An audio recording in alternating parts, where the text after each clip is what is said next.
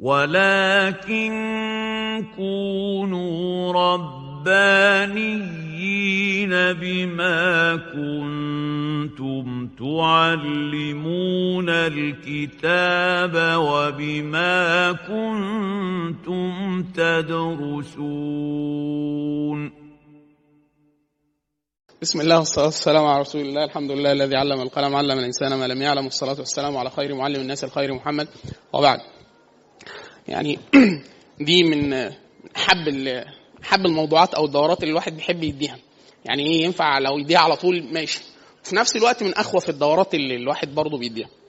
من أحسن الدورات لأن الكلام على النبي الاجتماع على سيرة النبي صلى الله عليه وسلم يعني حاجة يعني شرف الدنيا والآخرة. في نفس الوقت الجانب الشاق اللي فيها وهو أن بتذكير الناس دائما بعمل النبي صلى الله عليه وسلم فالإنسان مطالب العمل وللتأسي التأسي فدائما العلم ما دائما ما يحمل على المتعلم أو صاحب العلم حمل إضافي. فيروى عن الإمام أحمد بن حنبل رضي الله عنه وهو إمام أهل السنة وكان يحفظ أكثر من مليون أثر. مليون أثر يعني بالأسانيد المختلفة. يعني ممكن حديث واحد مثلا زي إنما الأعمال بالنيات يبقى حافظه ب 200 سند. طرق رجال حتى يطمئن أن هذا الحديث قاله النبي صلى الله عليه وسلم بأسانيد مختلفة. فكان الإمام أحمد في فت... في فتنة خلق القرآن كان مطلوب من قبل السلطة. فكان إيه؟ يتنقل يعني مختبئ. فكان مختبئ عند أحد أصحابه فاختبأ ثلاثة أيام ثلاثة أيام. ثم في اليوم الرابع قال له يعني إيه؟ يعني ابغي لنا مكان آخر ننتقل. فقال له لا أخشى عليك إيه؟ العين. يعني هتتشاف وأنت بتنتقل وهو مشهور وكذا. فقال له إيه؟ مكث رسول الله صلى الله عليه وسلم في الغار ثلاثة أيام. وما كنا لنأخذ بسنة النبي صلى الله عليه وسلم في الرخاء ونتركها في الشدة. يعني إيه أنا يعني هو حافظ حديث النبي صلى الله عليه وسلم إن النبي قعد في الغار ثلاث أيام. ودي لو حد عارف الحديث يعرف النبي قعد ثلاث أيام ومشي. هو مش قادر يتحمل قلبيا إن هو سامع أن النبي صلى الله عليه وسلم مكث ثلاث أيام ويخالف هذه السنة. هو مش قادر يعمل مش قادر يعمل ده. بل أن الإمام أحمد بن حنبل رضي الله عنه علم أن النبي صلى الله عليه وسلم احتجم حجامة وأعطى الحجام درهم أو دينار. فاحتجم وأعطى للحجام درهم أو دينار. فكان اللي هو إيه؟ العلم دائما بيحمل على الإنسان حمل إضافي حمل التأسي اللي هو العمل بالعلم. خلاص؟ بل أن الإمام أحمد بن حنبل رضي الله عنه لما دخل عليه أحد الناس في مرضه فسمعوا سمع الإمام يتأوه. يعني المريض مريض اللي فقال حدثني فلان عن فلان أن طاووس طاووس ده تابعي مش صحابي إمام أهل اليمن من التابعين كان يكره التأوه يكره التأوه. فما رؤي أحمد فما سمع أحمد بن أحمد متأوها حتى مات. يعني هو ما قالوش ده النبي اللي قال ولا صحابي. ده قال له إيه؟ تابعي. ليه؟ لأن الطبقة الأولى دي كانت دائما لا تعمل إلا بخبر. يعني إيه؟ حديث سفيان الثوري الامام سفيان الثوري من أئمة الحديث الكبار. فكان يقول لأحد اصحابه يعني يعني إذا إذا استطعت ألا تحك رأسك إلا بأثر فافعل. يعني إيه؟ أي حاجة عايز تعملها حاول إن أنت يكون لك سلف. يعني حاجة عن النبي صلى الله عليه وسلم عن الصحابة أو كذا. ليه؟ حتى إيه؟ تأمن. وكان الإمام أحمد لا لا يجيب في مسائل الفقه إلا بالمأثور. بالمأثور. وهو من سعة اطلاعه على السنة بل يعني يقال في حق أحمد ما لا يقال في غيره أنه يعني يقال في أحمد يصدق فيه أنه استوعب السنة كاملة حفظا. فكان الإمام أحمد سأله الرجل قال الرجل يمرض مريض يفطر في الصيام؟ فقال يفطر. قال يجامع؟ قال لا أدري. فقال له الرجل مريض يفطر في الصيام؟ قال يفطر. قال يجامع؟ قال لا أدري. فقال له طب قل برأيك. يعني فقال له إيه؟ ما وردش يعني مع ما عنديش آثار في ده. بالرغم من الصيام منصوص عليه. طب قيس. قال له إيه؟ فالراجل بيقول له بيقول له يعني أنت لا تتكلم إلا ما, ما جاء فيه الأثر. قال لعلنا نحسن ما جاء فيه الأثر. يعني بس إيه؟ بس إحنا إيه؟ نلتزم بالمروي وكذا. فده إيه؟ ده الجانب الثقيل في المسألة إن هو كل ما نتعرف على النبي صلى الله عليه وسلم وسنة النبي صلى الله عليه وسلم فبيزداد الإنسان حمله في العمل. وده يعني إيه؟ شيء آه مش يعني يعني وكانه واجب أو أمانة أمانة التأسيس. طب الواحد لو عجز عن العمل فيكفي أنه يتعرف على النبي صلى الله عليه وسلم ومن تعرف على النبي صلى الله عليه وسلم أحبه. خلاص؟ فينجو بحب النبي صلى الله عليه وسلم. حديث سيدنا أنس بن مالك يقول لما أتى الأعرابي وسأل النبي صلى الله عليه وسلم قال يا رسول الله متى الساعة؟ فالنبي صلى الله عليه وسلم قال له إيه؟ قال له وماذا أعددت لها قال له ليس كثير صيام ولا صلاة ولكني أحب الله ورسوله. فكان النبي فقال النبي صلى الله عليه وسلم أنت مع من أحببت أو الرجل مع من أحب أو يحشر الرجل مع من أحب؟ فكان أنس بن مالك يقول فيعني ما ما, ما سعدنا بحديث في الإسلام مثل سعادتنا بحديث النبي صلى الله عليه وسلم. ليه؟ فهو سيدنا أنس يقول في تتمه لما روى الحديث يقول وأنا أحب رسول الله صلى الله عليه وسلم وأبا بكر وعمر وإن لم أعمل بعملهم. فالواحد إن لم يبلغه العمل يعني إيه؟ جمعوا الحب مع من أحب. فلعلنا بحسن التعرف على النبي صلى الله عليه وسلم يعني إيه؟ نصدق في حب النبي صلى الله عليه وسلم فنحشر مع النبي صلى الله عليه وسلم. طيب في مقدمة لابد منها وهي أن النبي صلى الله عليه وسلم هو هو والأنبياء من قبله هم رحمة الله عز وجل للناس. هم رحمة هم هم رحمة الله عز وجل للناس. فالله عز وجل لما أراد أن يرحم الناس أرسل إليهم الرسل. ولما أراد أن يرحم الناس إلى يوم الدين أرسل محمد صلى الله عليه وسلم يعني إيه؟ خاتم الأنبياء والمرسلين. فعن عياض المجاشعي أن النبي صلى الله عليه وسلم قال ذات يوم في خطبته. إن ربي أمرني أن أعلمكم ما جهلتم مما علمني يومي هذا. كل ما نحلت حلالا أو كل ما نحلت حلال. يعني كل ما رزق رزقته لعبدي فهو حلال. يعني الله عز وجل كتب أرزاق العباد حلال. وإن هم يعني استعجلوا أرزاقهم بالحرام يعني منع عنهم الحلال وإن كان قد كتب. يعني هو لو واحد سرق مليون جنيه هو كان مكتوب له مليون جنيه. فكل ما نحلت حلال. وإني خلقت عبادي حنفاء كلهم وإنهم أتتهم الشياطين فاجتالتهم عن دينهم. يعني الله عز وجل خلق عباده كلهم حنفاء الحنيف اللي هو إيه؟ المائل عن الباطل إلى الاستقامة يعني هو مستقيم. خلاص؟ فالله عز وجل إني خلقت عبادي حنفاء كلهم. يعني كلهم على الفطرة على الإسلام وعلى التوحيد. ف وإنهم اجتالتهم الشياطين عن دينهم. فالشياطين هي التي أدخلت على الناس الشرك والوثنية وإنكار الله عز وجل والإلحاد بالله عز وجل وهكذا. خلاص؟ فاجتالتهم عن دينهم وحرمت عليهم ما أحللت لهم وأمرتهم أن يشركوا بي ما لم أنزل به سلطانا. وده فعل الشياطين مع بني آدم. وإن الله عز وجل نظر إلى أهل الأرض فمقتهم عربهم وعجمهم إلا بقايا من أهل الكتاب. فإن الله عز وجل قبل بعثة النبي صلى الله عليه وسلم وبعد بعثة عيسى عليه السلام 600 سنة. فكان الناس كلهم كل الناس على الأرض العرب والعجم إلا بقايا من أهل الكتاب اليهود والنصارى كانوا على دين يعني كانوا على الإسلام. وهو ما من نبي أرسله الله عز وجل إلا بالإسلام. الإسلام هو أن يسلم الإنسان نفسه إلى الله عز وجل اللي هي شهادة أن لا إله إلا الله وأن محمد رسول الله لو بعث فيه. يعني هو يؤمن بالنبي الذي بعث فيه وأن يأخذ على نفسه عهد أنه يؤمن بمحمد لو رآه. وده شرط. خلاص؟ زي المسلمين. إحنا بنؤمن بالنبي صلى الله عليه وسلم ولا ننكر أي نبي من أنبياء الله, الذي بعثهم إلى الناس. يعني من محمد حتى آدم عليه السلام. تمام؟ وعلى أنهم أنبياء. يعني هم بشر. ولكن هم من خير البشر أو هم خير البشر. طيب؟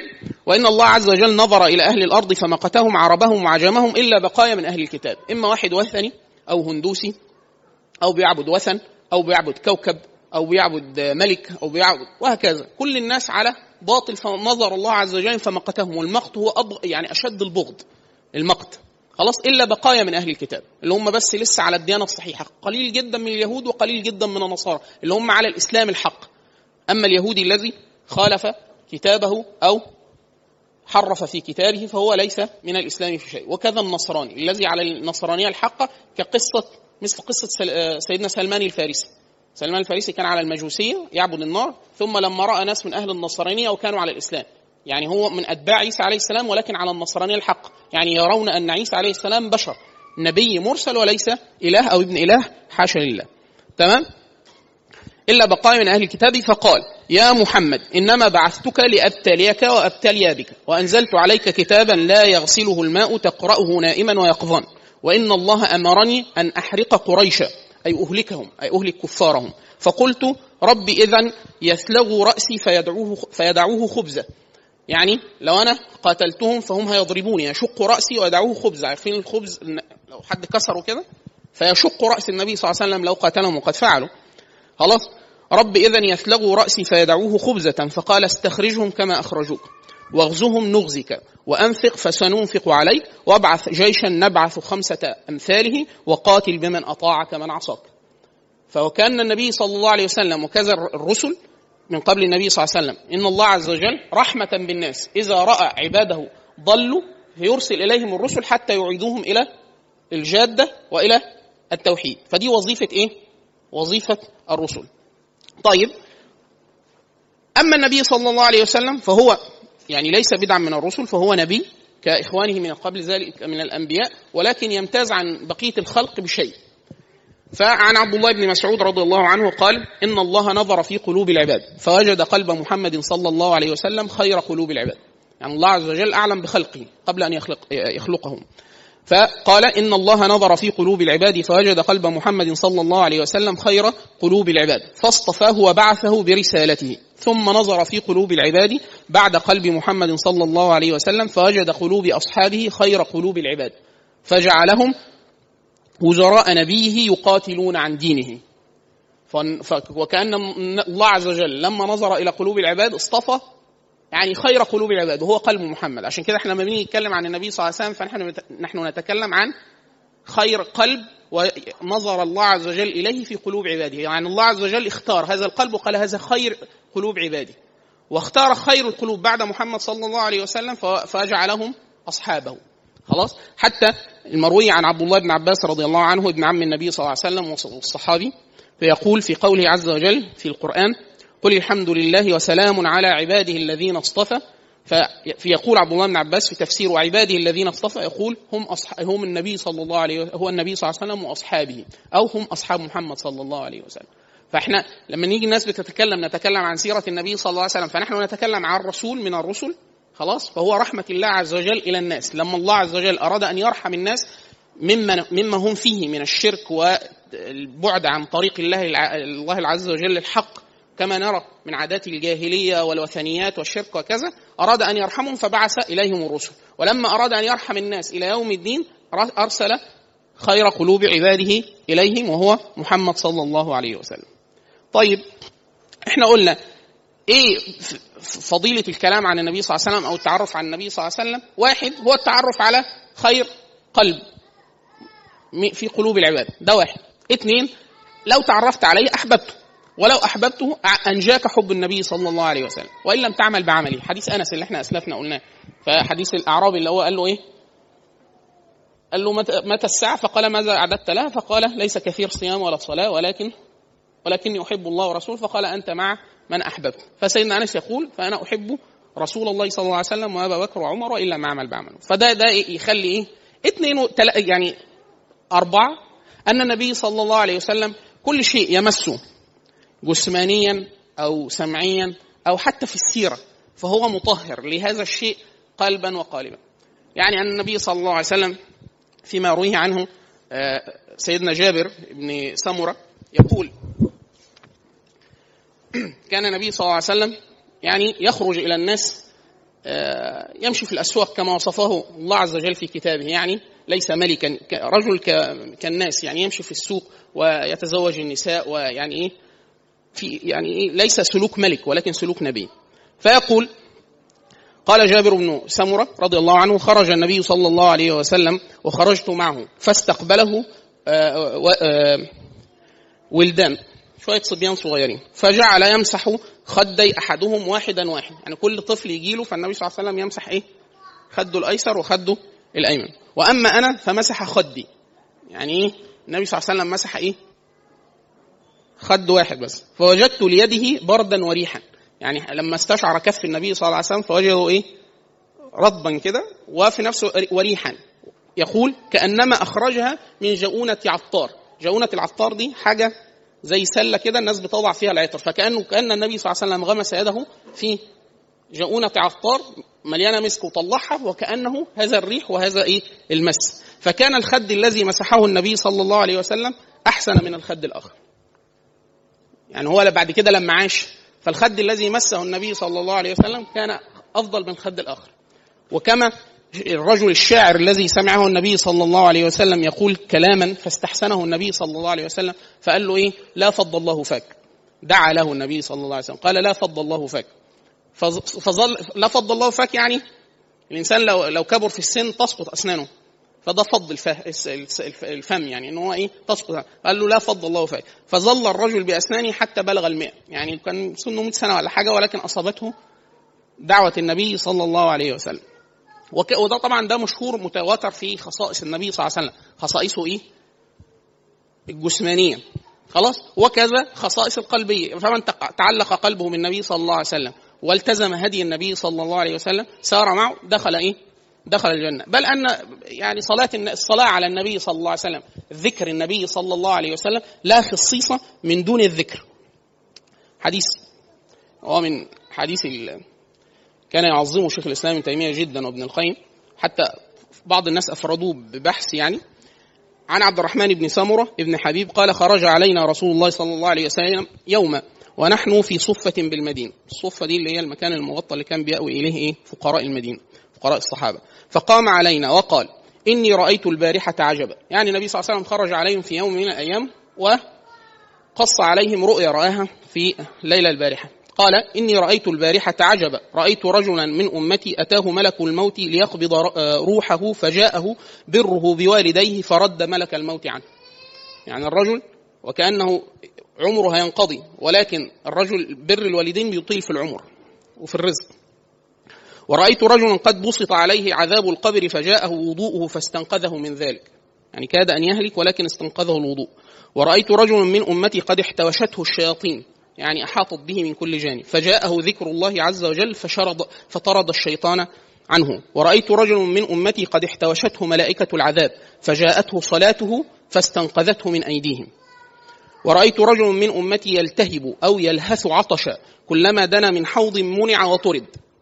فجاءه صيامه شهر رمضان فأسقاه أرواه ورأيت رجلا من أمتي ورأيت النبيين جلوسا حلقا حلقا كلما دنا إلى حلقة طرد فجاء غسله من الجنابة فأخذ بيده وأقعده إلى جنبي.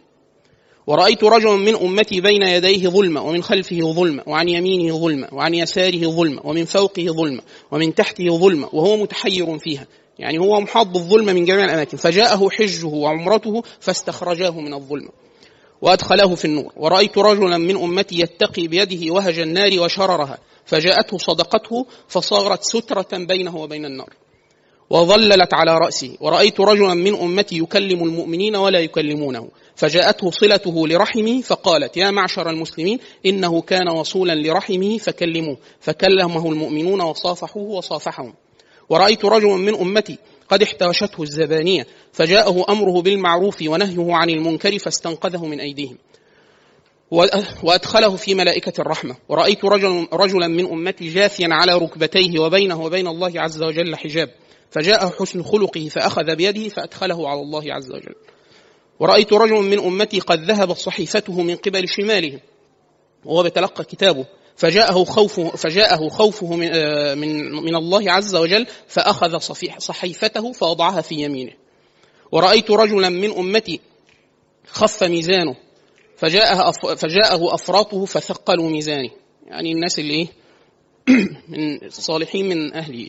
ورأيت رجل من أمتي قائما على شفير جهنم فجاءه رجاؤه من الله عز وجل فاستنقذه من ذلك ومضى.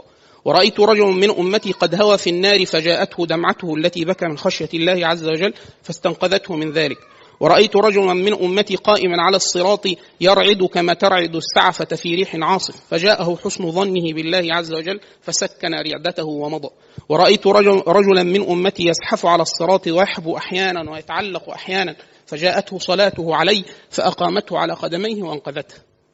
ورأيت رجلا من أمتي انتهى إلى أبواب الجنة فغلقت الأبواب دونه فجاءته شهادة أن لا إله إلا الله محمد رسول الله ففتحت له ففتحت له الأبواب ففتحت له الأبواب وأدخلته الجنة.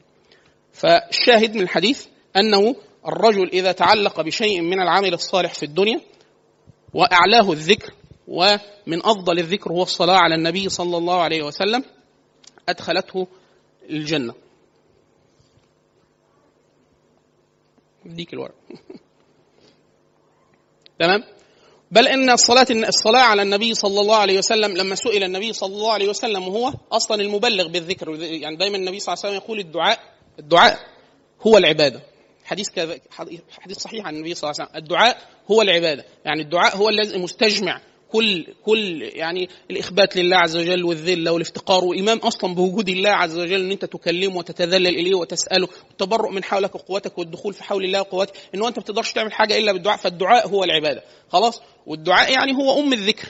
خلاص؟ فلما عن الصحابي سأل النبي صلى الله عليه وسلم عن أي الذكر أفضل يعني؟ عن أبي بن كعب رضي الله عنه قال قلت يا رسول الله إني أكثر الصلاة عليك فكم اجعل لك من صلاتي؟ يعني الإنسان في اليوم بيقوم بإيه؟ بأذكار وأدعية في الصلاة وفي الصباح والمساء وفي الأعمال الراتبة وكذا. فقلت يا رسول الله إني أكثر الصلاة عليك. فكم أجعل لك من صلاتي؟ يعني مقدار الصلاة دي قد إيه من. من الأذكار في اليوم؟ فقال ما شئت. يعني قد ما تقدر. قال قلت الربع. يعني خلي ربع الأذكار في اليوم الصلاه على النبي فقط. فقال النبي صلى الله عليه وسلم ما شئت فإن زدت فهو خير لك. يعني انت لو زودت عن كده يبقى احسن لك. فقلت النصف خليهم نص. قلت نص الأذكار اللي بقولها في اليوم صلاة على النبي صلى الله عليه وسلم فقط. قال ما شئت فإن زدت فهو خير لك. لو زاد على نصف قال فقلت فالثلثين قال رسول الله صلى الله عليه وسلم ما شئت فإن زدت فهو خير لك. قلت أجعل لك صلاتي كلها. يعني كل الصلاة في لغة العرب يعني إيه؟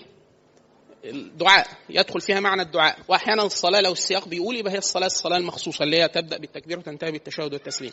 خلاص فهو هنا يقصد الصلاة اللي هو إيه؟ الدعاء. فقال فقال قلت فالثلثين قال ما قال ما شئت فإن زدت فهو خير لك. قلت أجعل لك صلاتي كلها. قال اذا تكفى همك ويغفر ذنبك. يعني لو فعلت ذاك جعلت ذكرك كله صلاة على النبي صلى الله عليه وسلم لا كفاك الله همك ما أهمك في اليوم من أمر الدنيا والآخرة. خلاص؟ وغفر لك ذنبك. خلاص؟ وهو يعني إيه؟ من أجل الحديث في في فضل الصلاة على النبي صلى الله عليه وسلم. فخلاصة ما قدمنا به الكلام هو أن الرسل هم رحمات الله عز وجل التي يرحم بها الناس والنبي صلى الله عليه وسلم هو خاتم يعني خاتم الرسل وهو إيه؟ يعني سيد سيد الخلق جميعا. حتى يقول في الحديث عن عبد الله بن مسعود رضي الله عنه قال قال رسول الله صلى الله عليه وسلم ليس أحد أحب إليه المدح من الله عز وجل. يعني محدش بيحب يتمدح أكثر من الله عز وجل. من أجل ذلك مدح نفسه. يعني حتى استهل الفاتحة أم الكتاب الحمد لله. فالله عز وجل يحب أن يحمد. يحب أن يحمد. فالحديث يقول قال رسول الله صلى الله عليه وسلم ليس أحد أحب إليه المدح من الله عز وجل من أجل ذلك مدح نفسه وليس أحد أغير من الله من أجل ذلك حرم الفواحش. يعني الله عز وجل يغار على عبده أن يعصيه ويغار على أمته أن تعصيه فلهذا حرم الفواحش حتى لا يعني يفعل ما لا يرضاه الله عز وجل. خلاص؟ ليس آه من أجل ذلك مدح نفسه وليس أحد أغير من الله عز وجل؟ من أجل ذلك حرم الفواحش وليس أحد أحب إليه العذر من الله من أجل ذلك أنزل الكتب وأرسل المرسلين مبشرين ومنذرين. يعني الله عز وجل يحب أن يعذر الناس. يحب ذلك. يعني يحب أن يأتيه الرجل بعذره. حتى في الحديث القدسي أن الله عز وجل إذا أحب عبدا فسأله السؤال وألهمه الإجابة. يعني؟ يعني يسأله السؤال ويقول له العذر. ففي الحديث الوارد في القدس في الحديث القدسي أن الله عز وجل إذا سأل عبده في يوم القيامة يقول رأيت كذا وكذا من المنكر في الدنيا ولم تتكلم. وأنت تعلم أنه منكر فلما سكت؟ فمعنى الحديث يقول العبد يقول يا رب خشيتهم ورجوتك. يعني الناس لا ترحم وأما أنت فترحم. فخش فيقول في الحديث يقول فإذا الله عز وجل يعني ألهم العبد يعني أراد أن ينجيه ألهمه الإجابة. فيقول هذا اللي هو من باب حسن الظن بالله عز وجل اللي هو يقول يا رب خشيته ورجوته فالله عز وجل يغفر له. فما, فما من أحد ما من أحد أحب إليه العذر من الله عز وجل. فلهذا أرسل أنزل الكتب وأرسل الرسل. يعني لماذا أرسل الرسل؟ حتى لا يعذب الناس. ولماذا أرسل الرسل؟ حتى يأتي الناس بأعذارهم يوم القيامة. خلاص؟ فلهذا أرسل الله عز وجل الرسل وختم وختمهم بالنبي صلى الله عليه وسلم. طيب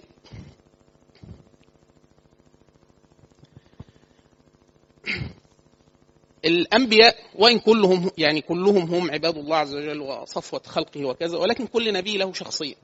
كل نبي له شخصية. وكل نبي له يعني إيه؟ قدرة على الاستح... يعني أن يتحمل من الناس وكذا. خلاص؟ ففي الحديث عن عن عبد الله بن عمرو بن العاص رضي الله عنهما أن النبي صلى الله عليه وسلم تلا قول الله عز وجل في إبراهيم رب إنهن أضللن كثيرا من الناس فمن تبعني فإنه مني. دي دعوه سيدنا إبراهيم. من تبعني فإنه مني.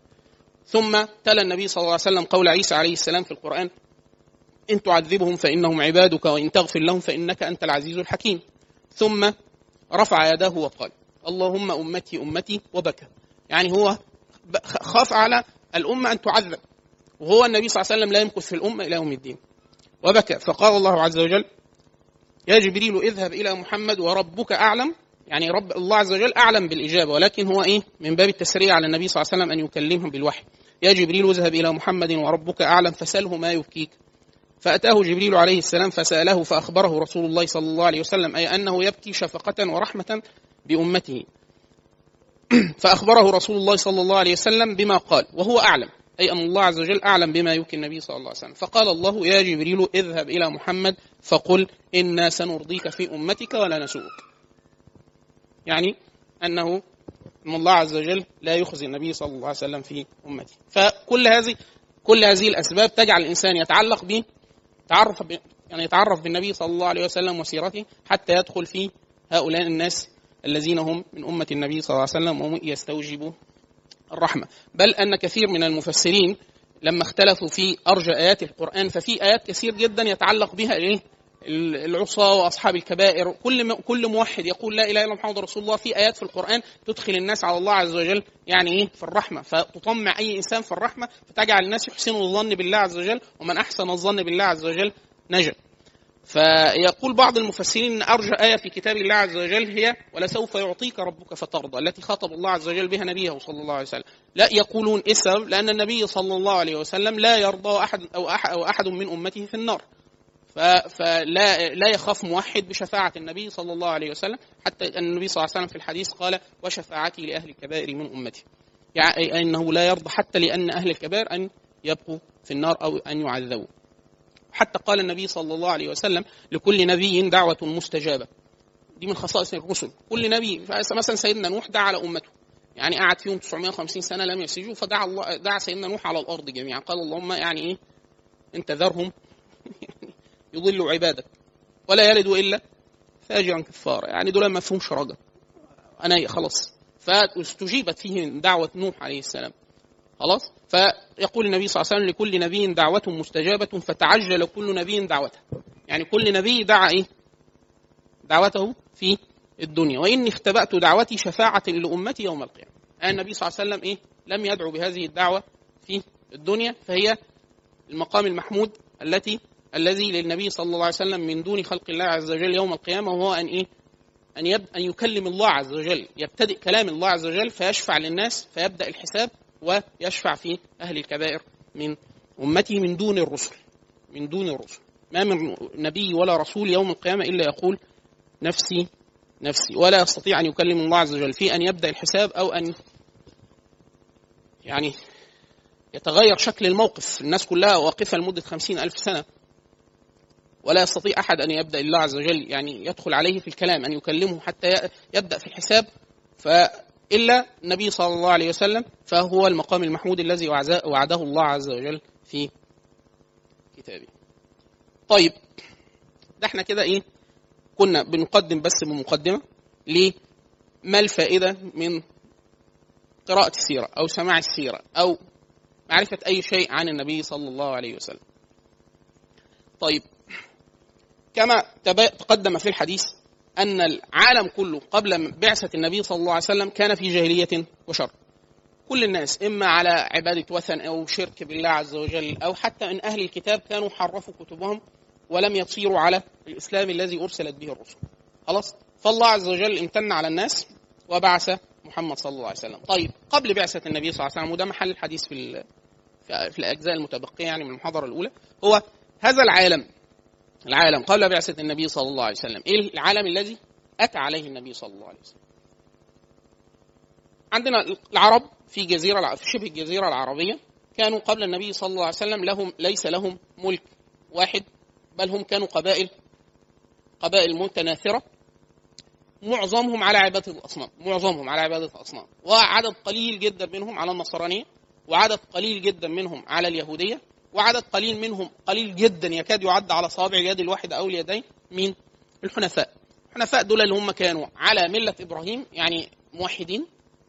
يعني هو علم أن ما عليه النصارى الآن باطل في وقته وأن اليهودية الآن باطلة حرفت. خلاص؟ وأن هناك بقايا من دعوة الرسل متبقية في أذهان الناس أنه هناك نبي اسمه إبراهيم وكان موحدا لا يشرك بالله احدا خلاص؟ فالحنفاء دول كانوا معدودين. حتى في ناس بيدخلوا فيهم النبي صلى الله عليه وسلم لأنه لم يسجد لصنم قط حتى قبل النبوة. ومنهم سيدنا أبو بكر الصديق ومنهم ورقة بن نوفل بن عم خديجة ومنهم عمرو بن نفيل ومنهم قس بن ساعدة. كثير جدا منهم كانوا حنفاء. حنفاء يعني على ملة إبراهيم ولكن لا يد شيء من الشرائع. الشرائع لأن خلاص آثار الرسل اندثرت وتم تشويه الكتابين سواء التوراة أو الإنجيل. خلاص؟ بقية الملل إحنا موجود عندنا الفرس موجودين يعبدوا النار وعندهم بعض الملل القديمة. موجود الهندوس أو الهنود وموجودين الصينيين وموجود الحبش. معظمهم كانوا على النصرانية بعضهم على النصرانيه الحقه مثل ملك الحبشه اللي هو النجاشي هو صاحب النبي صلى الله عليه وسلم.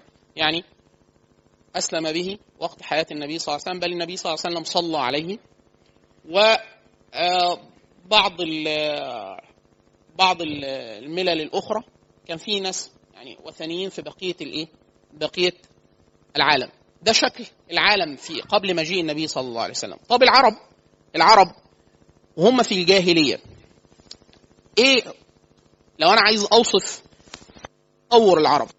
أحيانا بتتصور العرب من باب النعرة القومية. يعني أقول لك العرب دول كانوا حد كويس حتى في الجاهلية مثلا. خلاص؟ ولكن إحنا بنقول لا ده بالعكس. كان العرب في جاهلية وشر وعندما وصفوا أنفسهم حتى للملوك. لما قدموا عليهم ما قالوا لهمش إن إحنا إيه؟ إحنا كنا حاجة كويسة وبتاع لكن أول ما عرضوا نفسهم على. عرضوا الإسلام على الملوك سواء الفرس أو الحبش أو كذا قالوا له إحنا إيه؟ كنا في جاهلية وشر وكنا نائد البنات وكنا نزني وكنا نشرب الخمر وكنا نعبد الأوثان وكنا وكنا وكنا وكنا حتى من الله عز وجل علينا بالنبي صلى الله عليه وسلم فاستنقذنا مما كنا فيه. آه صورة مثلا من صور من صور ما كان عليه العرب في الجاهلية. يعني مثلا العربي ده رجل اللي هو المفروض اللي بعد كده هيبقى راجل. إسلام هيستنقذه مما هو فيه. هو الراجل ده كان بيعمل إيه؟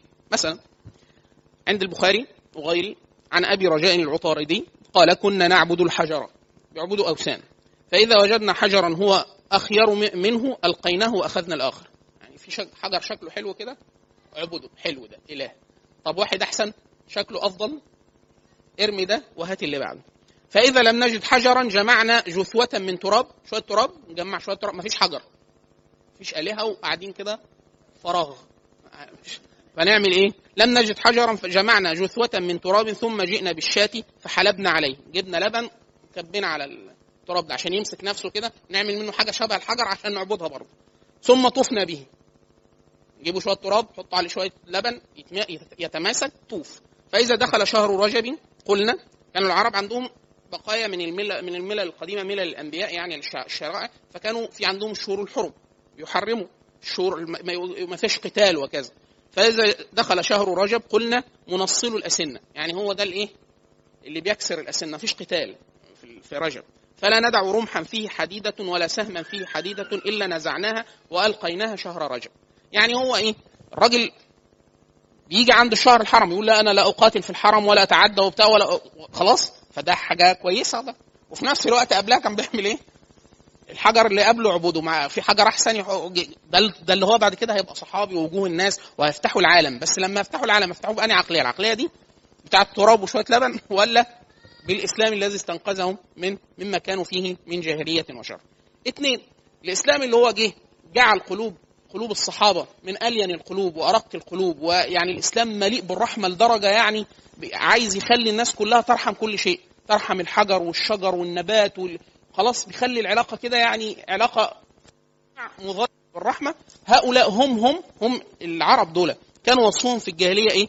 فيما يتعلق ب بال بالرحمة وأعمال القلوب بتاع عند البخاري في الصحيح عن ابن عباس رضي الله عنهما قال إذا سرك أن تعلم جهل العرب فاقرأ ما فوق الثلاثين ومائة في سورة الأنعام. من أول قوله تعالى فقد خسر قد خسر الذين قتلوا أولادهم سفها بغير علم. إلى قوله تعالى قد ضلوا وما كانوا مهتدين. أي أن الله عز وجل وصف ما كان عليه ما كانوا عليه من الشرك وغير الهدى والجاهلية والشر. طيب صورة من الصور التي عرضت على النبي صلى الله عليه وسلم حتى أبكته وهو نبي. عند الدارمي في السنن عن الوضيني الراوي يعني أن رجلا أتى النبي صلى الله عليه وسلم فقال يا رسول الله إن كنا أهل جاهلية وعبادة أوثان. خلاص ده الراجل أسلم خلاص وجاي يعني بيتعلم الإسلام من النبي صلى الله عليه وسلم. فكنا نقتل الأولاد وكانت عندي ابنة لي وكانت عندي ابنة لي فلما أجابت يعني بلغت وكانت مسرورة بدعائي إذا دعوتها يعني لما كنت أطلب منها حاجة أقول لها تعالي أو بتاع تسر بذلك دايما علاقة البنت اللي بتحب أبوها.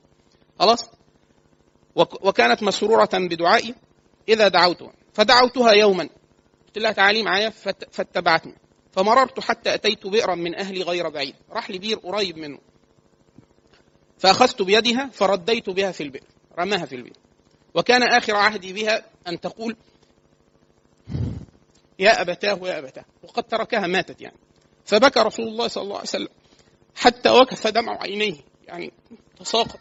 فقال رجل له رجل من جلسائه من جلساء رسول الله صلى الله عليه وسلم أي أخبر الأعرابي يعني. قال أحزنت رسول الله صلى الله عليه وسلم؟ فقال له كف. يعني أمر الصحابي الذي يعني نهى الرجل أو نهره فإنه يسأل عما أهمه. يعني هو الرجل جاي يسأل ثم قال له أعد علي حديثا. قول تاني اللي أنت قلته ده. فأعاده فبكى النبي صلى الله عليه وسلم حتى وكف الدمع من عينيه على لحيتيه ثم قال له إن الله قد وضع عن الجاهلية ما عملوا فاستأنف عملك. يعني أنه ما كان منكم من جاهلية وشر وكفر وقتل وزنا وكذا فإن الله عز وجل جعل الإسلام محاء لما في الجاهلية إن أحسنتم في الإسلام. فهؤلاء الناس اللي هم أرسل فيهم النبي صلى الله عليه وسلم كانوا في الجاهلية هذا الرجل أب وفيه من فطرة الفطرة الطبيعية أنه حب حب منات وكذا. ولكن ما مما كانوا عليه من الجاهلية مما أدخله عليهم الشياطين وهو أنهم كانوا في الجاهلية يكرهون البنات. يكرهون البنات. خلاص؟ إما لخ... لأنه خشية النفقة الرجل يستطيع أن يقاتل وينفق على نفسه ويجلب المال. أما النساء فإما يعير بهم إما أن يسبوا إما أن لا وإما أن يشق عليه أن يرزقهم ويكسوهم فكان الرجل منهم ده اللي هو هيبقى صاحب عقل وكذا كانوا على على هذا مو على هذا الوصف من يعني قسوة القلب وعدم وخلو العقل. تمام؟ أما الحنفاء فكان منهم من الحنفاء الحنفاء اللي هم كانوا على ملة إبراهيم. يعني هو الرجل في بقايا من من آثار الرسل والنبوة فكان على ما يهدي إليه الإسلام. من الرحمة من الرحمة يعني مثلا زيد بن نفيل زيد بن نفيل كان يحيي يحيي الموؤودة يعني كان يقول في الرواية عن السيدة أسماء بنت أبي بكر بنت سيدنا أبو بكر الصديق رضي الله عنهما قالت رأيت زيد بن عمرو بن نفيل, قائما مسندا ظهره إلى. ظهره إلى الكعبة يقول يعني قاعد شفته لحقته وهو يعني يقول يا معشر قريش والله ما منكم على دين إبراهيم غيري لأنهم كلهم على دين إبراهيم غيري لأنهم كلهم كانوا يدعوا إنهم على ملة إبراهيم فبيعملوا شوية حاجات فعلا الطواف والسعي من الصفا والمروة وكذا دي من الشعائر فعلا بس أدخلوا فيها بقى الشرك وكانوا لا يطوفون حول الكعبة يوحدون الله عز وجل بل كانوا يعبدون الأصنام التي حول البيت خلاص؟ فسمعت يقول يا معشر قريش والله ما منكم على دين إبراهيم غيري وكان يحيي الموءودة يقول للرجل إذا أراد أن يقتل ابنته. يعني يسمع إن في واحد هيئد بنته يقتلها. فيذهب إليه يقول له لا تقتلها أنا أكفيكها م... أنا أكفيكها مؤنتها.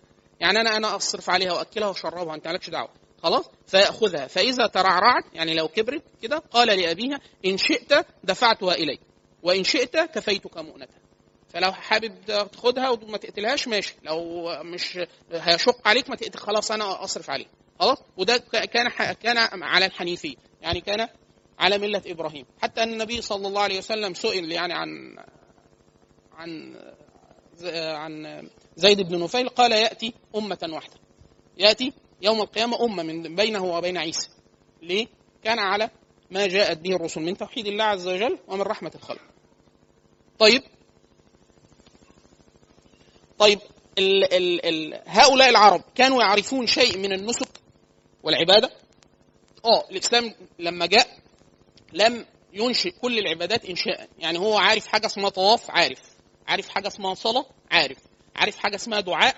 عارف. عارف حاجة اسمها زكاة؟ عارف. عارف حاجة اسمها سعي في الصفا والمروة؟ يع- عارف.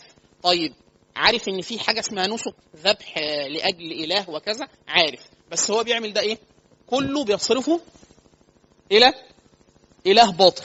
عشان كده كان عندهم عندهم مثلا اللي هو سماها القرآن في في, في وصفهم يعني في وصف نس- النسك الباطل في الجاهلية اللي هو إيه؟ ما جعل الله من آه الحام والسائبة والوصيلة والبحيرة كل دول أشياء هم حرموه يعني جعلوا أوصاف يعني مثلا الحامي ده مثلا فحل ذكر الناقة يعني خلاص له مرات معينة من تلقيح النوق. فلو أتمها يبقى هو كده عمل اللي عليه. فهيقولوا ده حامي. يعني لا يحمل عليه وكذا لأنه إيه؟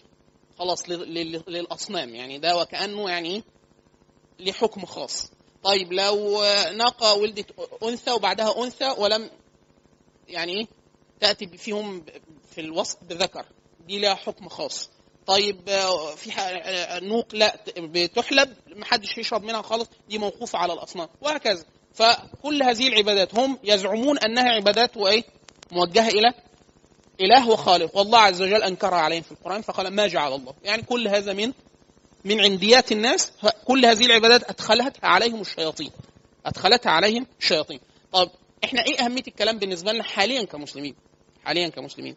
أن الناس دائما إذا اجتالتهم الشياطين عن دينهم أعادتهم إلى الصور الاولى دائما. إذا اجتالتهم الشياطين عن دينهم اعادتهم إلى الصور الأولى صور الشرك. واحد يقول لك لا مش ممكن يقع الشرك في الأمة. يقع. يقع بس لا يعم. يقع بس لا يعم. يعني النبي صلى الله عليه وسلم وصف الشرك إحنا عندنا شركين. شرك أكبر مخرج من المله والشرك اللي هو المعاصي. الشرك المعاصي اللي هو يعني الرياء والسمعة وغيره فالنبي صلى الله عليه وسلم يقول الشرك أخفى في الأمة من دبيب النمل. يقصد انهي شرك؟ الشرك الثاني الصغير اللي هو الرياء والسمعة وكذا وبتاع. خلاص؟ ويقول النبي صلى الله عليه وسلم لا تقوم الساعة لا تقوم الساعة. معنى الحديث حتى تطلع دوس على صنم لا على صنم لها يقال له ذو الخلص. يعني أن تعود نساء قبيلة الجزيرة العربية إلى عبادة صنم من الأصنام القديمة في الجزيرة العربية. خلاص؟ لا تقوم الساعة إلا ويعود الناس إلى عبادة الأوثان. خلاص؟ لا النبي صلى الله عليه وسلم يقول لا تقوم الساعة إلا ويرتد. يعني بعض الناس من الأمة فتعود إلى عبادة الأوثان قبل قيام الساعة. خلاص؟ فهي الفكرة في إيه؟ إن يتصور. يتصور. يتصور. يتصور أن الشياطين تتلاعب بالناس إما بالشرك ده وإن كان ده في آخر الزمان. يعني إيه؟ أو يكون في نسبة صغيرة أو قليل جدا. يعني الغالب على الأمة إن هي تظل على التوحيد وكذا. أو يفسد عليها العبادات والنسك. خلاص؟ أو يأمرها بأن تقوم بأشياء قد النبي صلى الله عليه وسلم. تجتال تجتالهم الشياطين عن دينهم. يعني تغير لهم الملة. وده وارد كثير جدا فيما تفعله الناس. مثلا من تغيير خلق الله ومن وسم الحيوانات والعبث باشكال بال بال بالخلقة الآدمية وكذا. وفي حاجات كتير نهى عنها النبي صلى الله عليه وسلم والناس تفعلها. فده مما مما تجتلبه الشياطين من أفعال الجاهلية كما أدخلتهم على الجاهلين تدخلهم على الناس في الإسلام. متى يحدث هذا؟ باندثار آثار الرسالة المحمدية. يعني كل الناس ما تجهل سيرة النبي صلى الله عليه وسلم كل ما يقع فيما نهى النبي صلى الله عليه وسلم. لأنه مش ممكن الإنسان يتجنب المنهي عنه أو يقوم بالمأمور به إلا في حالة واحدة بس إن هو يعلم. يعني بالعلم لو مش ما يعرفش هيقع فيه ولا بد. تمام؟ طيب. الحديث بتاعت حديث الأصنام وكذا. طيب. طب من الناحيه الحضارية من الناحيه الحضارية هذه الأمة التي أرسل فيها النبي صلى الله عليه وسلم إحنا عندنا الجزيرة العربية قديما نقدر نقول نقسم الأمة اللي هو ينتمي إليها النبي صلى الله عليه وسلم الأمة العرب إلى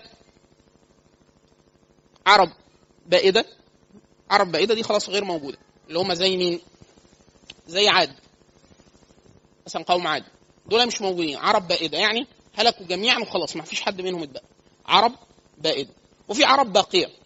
العرب الباقية دول عرب عاربة وعرب مستعربة. يعني عرب بائدة وعرب باقية. العرب الباقية دول اللي هم مين؟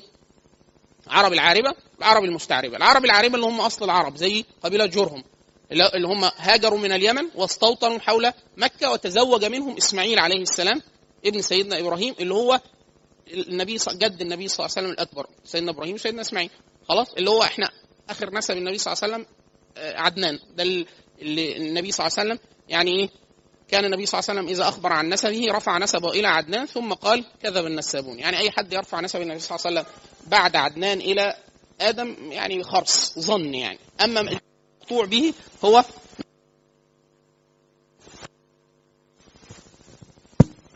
إلى عدنان. فاحنا العرب العرب العاربة اللي هم قبيله جرهم دول انتقلوا من اليمن واستوطنوا مكة.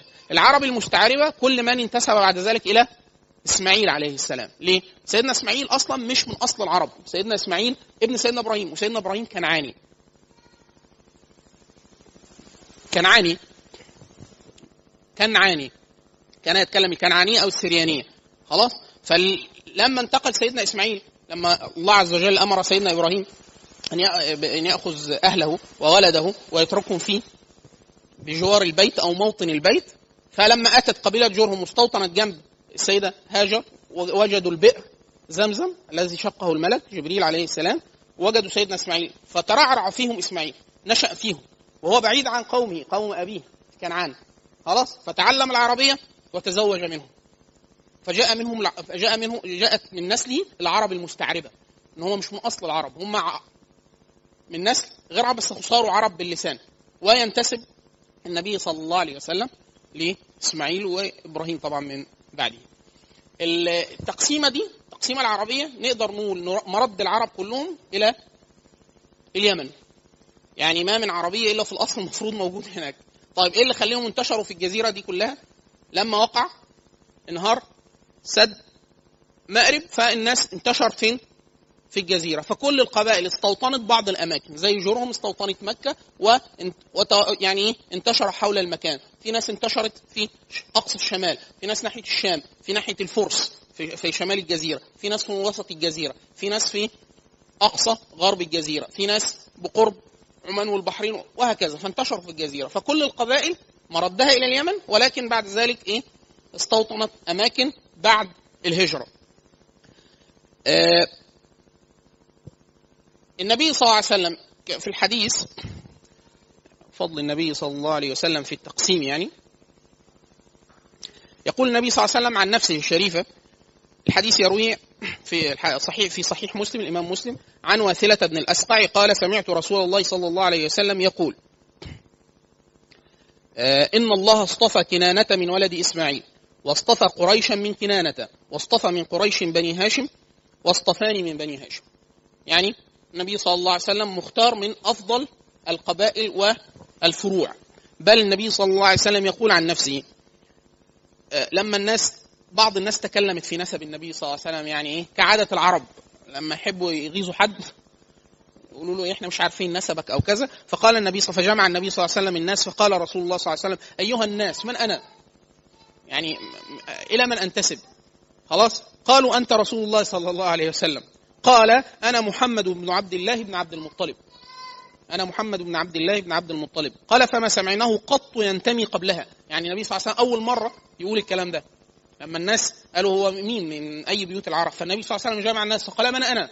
يعني يقصد نسبه في يقصد نسبه في العرب. فقالوا له أنت رسول الله صلى الله عليه وسلم. ماشي وخذ شرف لا ليس بعده شرف. ولكن هم قصدوا إيه؟ تشكيك في نسبه لقومه يعني لقبيلته أو لجدي. فقالوا أنت رسول قال أنا محمد بن عبد الله بن عبد المطلب. قال فما سمعناه قط ينتمي قبلها. يعني قبل أول مرة يقول ان هو نسب محمد بن عبد يعني خلاص الناس بتخاطب على على الرسالة. ما كانش في إيه بحاجة إلى أن ينتسب إلى جدي يعني. ثم قال ألا إن الله عز وجل خلق خلقه فجعلني من خير خلقه ثم فرقهم فرقتين فجعل من خير فجعلني من خير الفرقتين. ثم جعلهم قبائل فجعل فجعلني من خيرهم قبيلة ثم جعلهم بيوتا فجعلني من خيرهم بيتا. وأنا خيركم بيتا وخيركم نفسا. صلى الله عليه وسلم. فهو النبي صلى الله عليه وسلم إذا انتسب انتسب إلى هو قال إن الله عز وجل فرق الناس فرقتين. فالنبي صلى الله عليه وسلم في إيه؟ خير الفرقتين. ثم هذه الفرق الله عز وجل الفرقة الله عز وجل يعني إيه؟ قبائل. فمن الله عز وجل اختاره في خير قبيلة. ثم هذه القبيلة مليئة داخلها بيوت. فالنبي صلى الله عليه وسلم اختاره الله عز وجل من خير بيت. فهو خيرهم بيتا وخيرهم نفسا. طيب. هذه التقسيمة اللي موجودة من دائما كان الله عز وجل إذا ارسل إذا أرسل الرسل أرسلهم في منع من قومهم. يعني أرسلهم في أصحاب قوة وبأس وكذا. حاشا لوط. سيدنا لوط. الوحيد اللي إيه؟ اللي أرسل في ضعف. بقية الأقوام بقية بقية الرسل أرسلوا في منع من قومهم ولم يبعث يبعث رسول قط في غير منع إلا سيدنا لوط لأنه حتى كان مهاجر يعني قدم عليهم هاجر مع إبراهيم عليه السلام حتى يعني النبي صلى الله عليه وسلم لما روى للصحابه خبر, سيدنا لوط في القرآن لما تكالب عليه الناس لما رأوا الملائكة وكانوا قوم سوء فكان فقال لهم إيه؟ لا أو آوي إلى ركن شديد في تتمة الآية. ف- فالنبي صلى الله عليه وسلم قال رحم الله أخي لوطا. كان يأوي إلى ركن شديد كان يأوي إلى الله. يعني يعني وكأنه يعاتب سيدنا لوط. يعني ولكن سيدنا لوط يعني هو بشر كالبشر وكان يجزع على أضيافه ولم يبعث في منع من قومه. خلاص أما النبي صلى الله عليه وسلم فأرسل في قريش.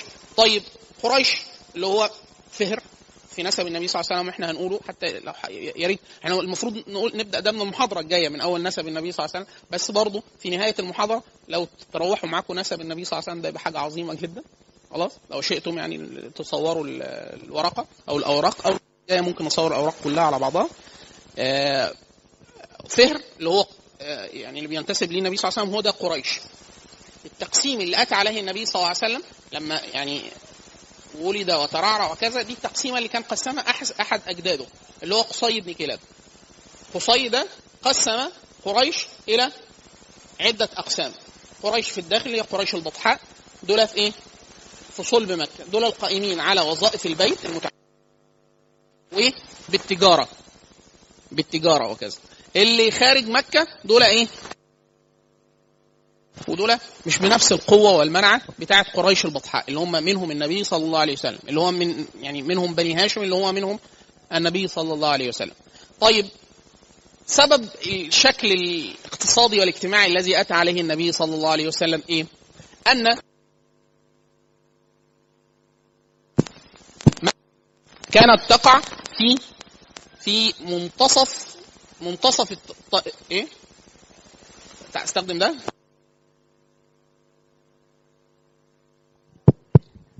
السلام عليكم. طيب أن مكة كانت تقع في منتصف الطريق التجاري تقريبا اللي ولا بد أي جزء من تجارة في العالم تقريبا في الواقع العالم القديم إلا ما جزء كبير جدا منها هيمر في هذا الطريق. ليه؟ الجزيرة كلها البيت معظم عند العرب منذ القديم لأنهم عنده عندهم بقايا من ملة إبراهيم حتى لما عبدوا الأصنام وزعوا الأصنام بجوار الكعبه خلاص؟ وقريش قائمة على وظائف البيت اللي إحنا هنقولها دلوقتي المتعلقة بالحج وكذا لأنهم كانوا على بعض الشرائع القديمة بعد ما شوهوها شوية فكانوا بيحجوا إلى البيت وبيعتمروا وبيطوفوا وبيسعوا بين الصفا والمروة وكذا. فلو أي حد عايز يجيب تجارة من اليمن يوديها ناحية الشام لازم يمر من هذا الطريق التجاري اللي هو على الساحل اللي هيمر بقريش. طب واحد جايب حاجة من الهند مورديها أوروبا.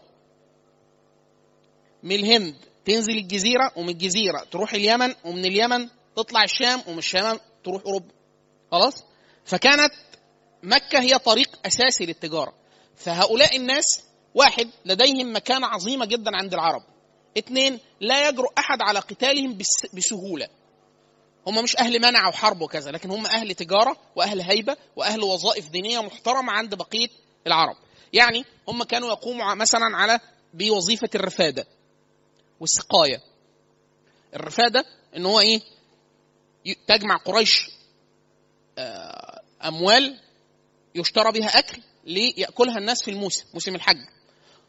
والسقايه إن هم إيه؟ زمزم إن هم القائمين على سقايه الحجيج واللواء. مقسم ده كل ده بيت بيوت في قريش حد معاه الرفادة حد معاه السقايه حد معاه مفاتيح الكعبة مفاتيح الكعبة حد معاه اللواء لواء الحرب إذا حاربت فدي كلها وظائف الوظائف دي لها مكانة اقتصادية وليها مكانة اجتماعية. فالنبي صلى الله عليه وسلم جاء في وسط هذه البيوت التي لها مكانة متعلقة بحرمة البيت ولها مكانة تجارية ضخمة جدا ولها هيبة ولها أحلاف محترمة آه، ما بين العرب بسبب مش قوة قريش العسكرية بسبب وظائفهم الدينية وموقعهم التجاري المهم. يعني ما من أحد كان يمر في مكة داخل أو خارج أو كذا إلا وكان يدفع جزء من وكأنه إتاوة أو ضريبة مالية ل لقريش أو لأهل مكة. خلاص؟ زي ما كانت بقية العرب ومعظم العرب كانت قائمة على ده إن لو واحد جايب تجارة مثلا الفرس عايزين يودوا تجارة اليمن. لو التجارة دي دخلت جزيرة العرب العرب دول ما لهمش ملك تكلموا تقول له سكتهم يسكتوا. لا دي قبائل والقبائل دي تقاتل على نفسها ملهاش دعوة بغيرها. ولو عملت أحلاف ولا حاجة تدخل في أحلاف يبقوا قبيلتين ثلاثة فيعمل إيه؟ وظيفة بقى القبيلة. لو تاخد البضاعة دي القوافل تحميها لغاية ما تصل إلى مكان معين وتاخد في مقابل ده مال. خلاص؟ فبعض العرب كان قائد قائم على؟ بعض العرب كانوا قائمين التكسب على إن هم ياخدوا إيه؟ ضرائب على حماية القوافل. وفي بعض الناس قائمين بالزراعة. بس دول أهل استقرار وكذا زي أهل المدينة مثلا أهل الطائف. مكة الوظائف التجارية وحماية والبيت وكذا هو ده القائم عليهم أكتر. المدينة أهل زرع ونخل وغيره. في ناس آه الإغارة والغزو. العرب كانت لا لا توقفهم يعني إيه إلا أحلاف أو عهود أو كذا. وغيره يعني آه اللي الأقوى يأكل الضعيف. لدرجة إن بعض الناس عارفين المعلقة الشهيرة بتاعت عمرو بن كلثوم؟ أحد المعلقات. فهو من بني تغلب. فكان الناس يقولون قبل مجيء الإسلام يقول لو تأخر الإسلام لأكل بنو تغلب الناس. يعني لو الاسلام لو تأخر شوية كان مش هيجي يلاقي حد. ليه؟ بنو تغلب دول واضح إن هم كانوا إيه؟ يعني مع فاللي هو العدوان العدوان للعدوان أو العدوان بمجرد أنا مستشعر إن أنا قوي والآخر ضعيف ممكن أكله. إلا الناس اللي كان ليهم إيه؟ أحلاف قوية فالناس تهابهم أو مكانه زي ما كانت قريش. فلم يجترئ عليهم إلا الناس إلا أوقات يعني أوقات معدودة منها اليوم المشهور جدا اجتراء غير العرب على العرب وعلى خاصة على البيت اللي هو ابرهه ابرهه الحبشي. يعني هو لما طلب طلب هدم البيت وقد رده الله عز وجل عن البيت. خلاص حتى في الجاهلية. و آه، يوم الفجار. بعض ال... في أيام الفجار دي بعض أيام العرب. أيام العرب دي يعني إيه؟ قتال ومعارك كانت بين العرب. زي إيه؟ دحس والغبراء آه، زي آه، حرب البسوس آه، أيام العرب المشهورة. منها يوم الفيل ده برضه من الأيام المشهورة ويوم الفجار. يوم الفجار ده كذا يوم أحيانا أربع أيام. منهم يوم الفجار الأكبر الذي قاتل فيه النبي صلى الله عليه وسلم وهو صغير. كان عنده 15 سنة تقريبا. حارب مع أعمامه ضد هوازن وثقيف. فدي مرات معدودة قاتلت فيها إيه؟ قريش وده غريب. يعني ده ده ده ده, ده, ده عكس الأصل. الأصل إن هو إيه؟ سبب المكانة والهيبة بسبب البيت. إن الناس كانت إيه؟ لا تجترئ على قتالهم. طيب هذه البنية الاجتماعية التي أتى عليها النبي صلى الله عليه وسلم مهمة جدا جدا جدا فهمها لفهم الإسلام. البنية الاقتصادية والتقليد التقاليد اللي بيعملوها. معاملتهم مع النساء. آه، كل الحاجات دي مهمة جدا. ليه؟ لأن الإسلام جاء على أمور. في أمور نهاهم قطعا عنها فهي إيه؟ محرمة ومن أمر الجاهلية. وفي أشياء سكت عنها الإسلام فهي على ما هي عليه. خلاص؟ فلابد من معرفتها حتى يعرف الناس الإسلام. ليه؟ العربي اللي نزل فيه القرآن ده راجل كان عارف بيعامل مراته إزاي وبيتجوز إزاي وبيتاجر إزاي وبيعقد الصفقات التجارية إزاي وبيحارب إزاي. كل هذه الأمور كانت معروفة لديه معرفة تامة. جه الإسلام قال له افعل ولا تفعل. مش الإسلام مش ممكن يشرح له كل حاجة هو بيعملها. لأ ده هو كان بيكلمه هو فبيقول له إيه؟ كل نكاح الجاهلية محرم إلا واحد اثنين ثلاثة أربعة. فإحنا مش عارفين نكاح الجاهلية ده كان إيه. يعني العرب في الجاهلية كان عندهم أنكحة كثيرة جدا. النكاح الشرعي اللي إحنا نعرفه دلوقتي اللي هو موافقة المرأة و آه، بشهاد الناس ومعرفة ولي المرأة وكذا ده نوع من الأنواع. وفي نكاح الاستبضاع واحدة ما بتخلفش تروح لواحد تقول له آه، أنا عايز أخلف. ده مش جوزها. خلاص؟ ده جزء من أنكحة الجاهلية. وده نهاهم عنه الإسلام. والزنا وزوج أصحاب الرايات الحمر اللي هو أشبه بالدعارة.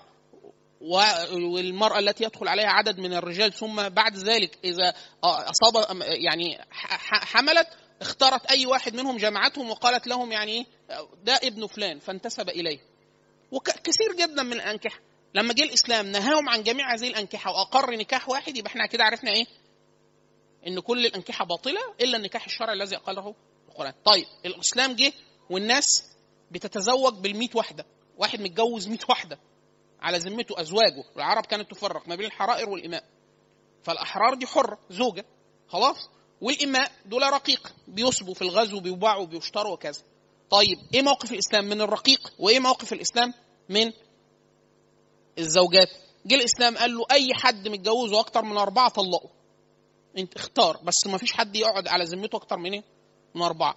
في نكاح نكاحات. لو انت واقع فيهم باطلة.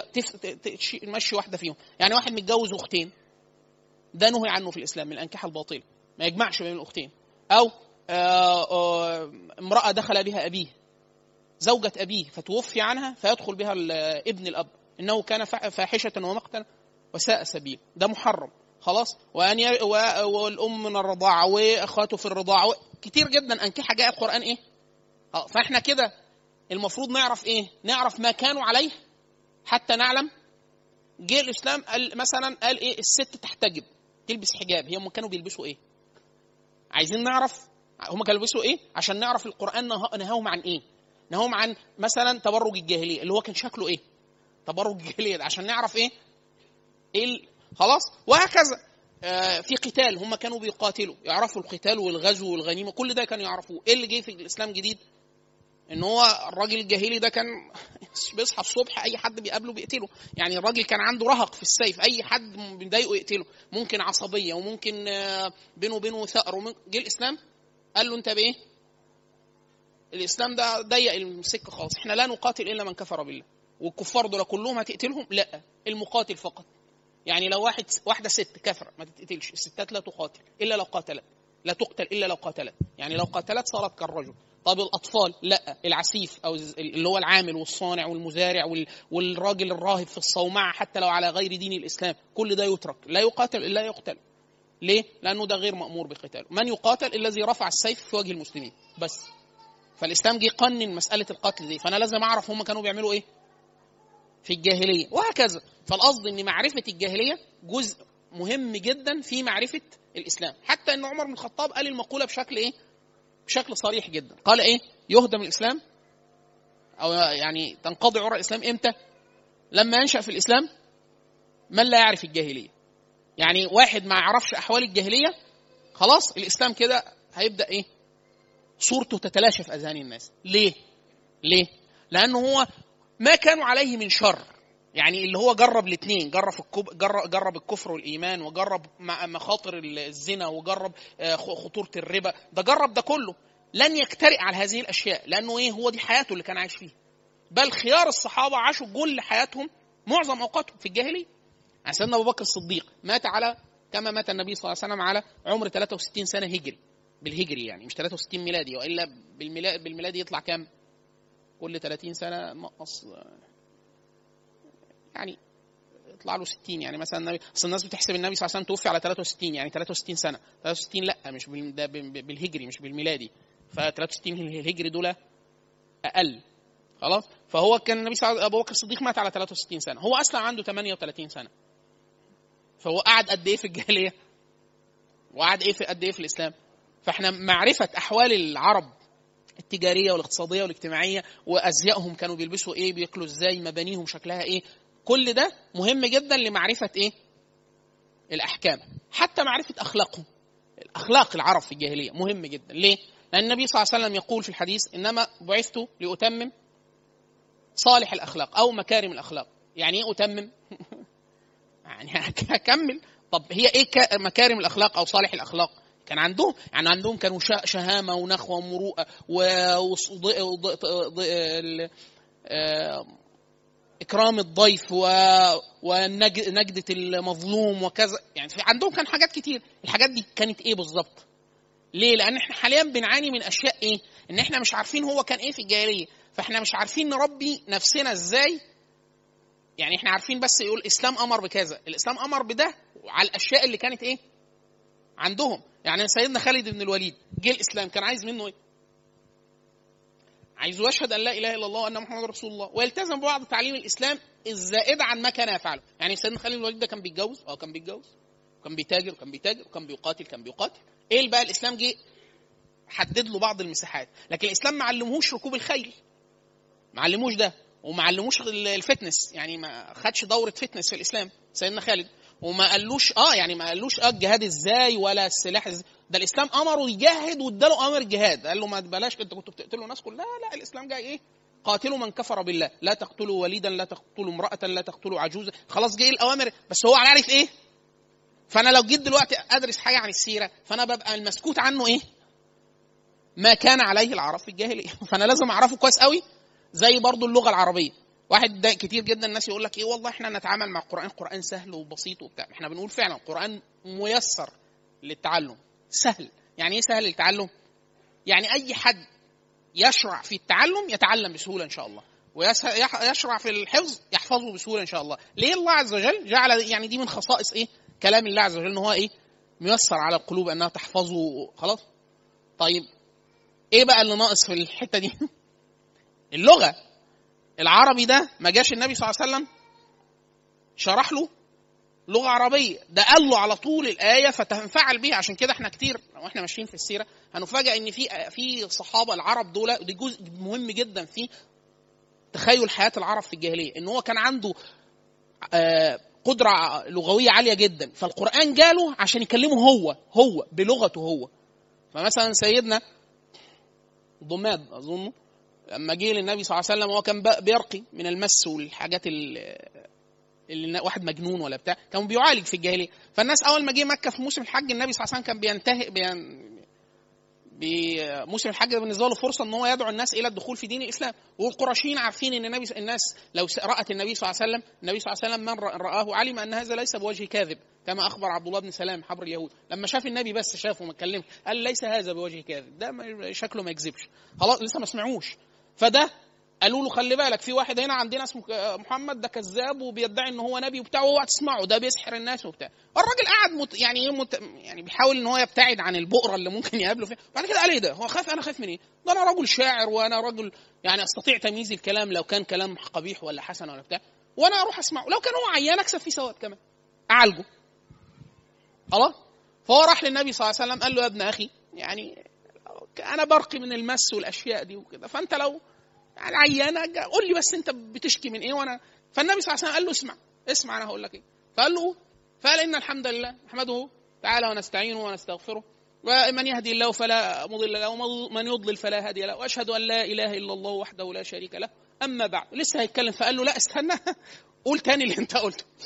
العرب طول عمرها بتتكلم وبتقول شعر وبتقول نثر نثر. لكن ما بتقولش الطريقة دي. يعني ده اتغير واحد رؤيته للكون اتغيرت فبيستخدم اللغة العربية اللي هم بيستخدموها ليل نهار بطريقة أخرى. الاستفتاح ما كانش بيبقى كده. الكلام ما بيبقاش كده. الغرض من الكلام ما بيبقاش كده. هو بس قال له إن الحمد لله نحمده تعالى ونستعينه. إنه ما يهدي بس الاستفتاح. استفتح سطرين.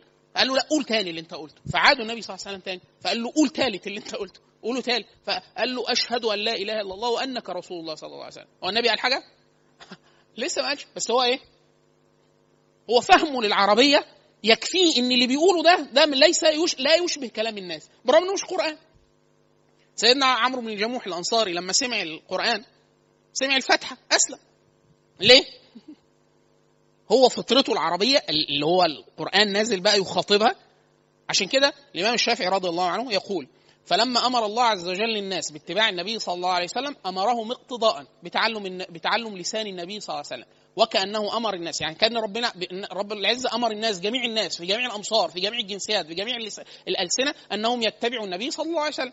خلاص؟ فلا بد أن يتبع هدي النبي صلى الله عليه وسلم. خلاص؟ ويتعلم القرآن ويعرف قول النبي صلى الله عليه وسلم. فكأنه أمرهم بأن اتبعوا محمد صلى الله عليه وسلم وتعلموا لسانه.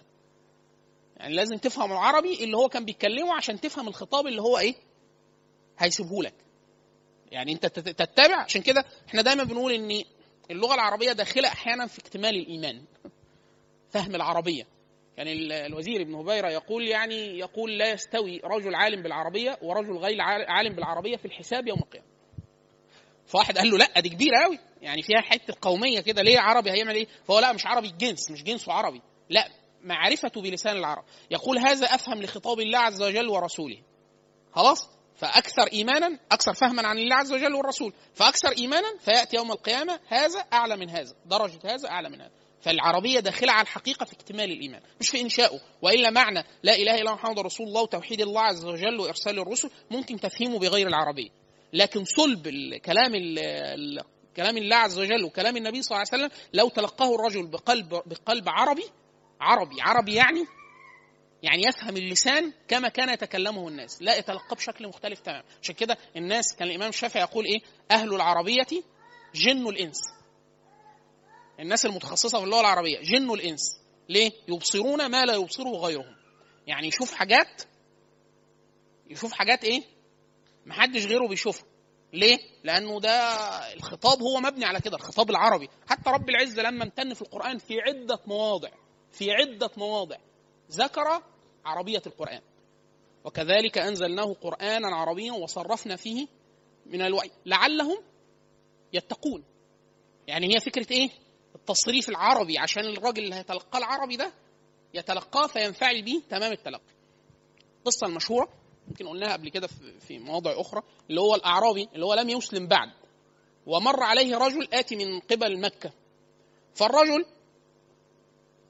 غير المسلم الأعرابي هو عربي بيقول له أنت جاي منين؟ هيضيفه يعني هيضيفه. فقال له أنا جاي من الراجل عايز يدعو للإسلام فبيقول له إيه؟ قال له أنا قد أتيت من أرض يتلى فيها كلام الله عز وجل. عايز يورطه.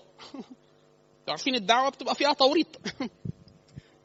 سيدنا مصعب في المدينة عمل كده ورط اتنين من أكابر الأنصار يقول له على فكرة في واحد بيضرب واحد قريبك وبتاع وبيضربهوش غير عشان قريبك فيروح يدافع عنه ما يلاقيش حاجة فيقعد يسمع كلام سيدنا مصعب فيوسف ففي جزء التوريط ده فقال له أنا إيه مش قال له أنا جاي من مكة ولا جاي من الجنوب ولا جاي قال له إيه قال له قد أتيت من أرض يتلى فيها كلام الله عز وجل فالعربي ده ساب اللي في إيده وقال له إيه أو لله كلام في الأرض يتلى أو لله في الأرض كلام يتلى يعني فين ده؟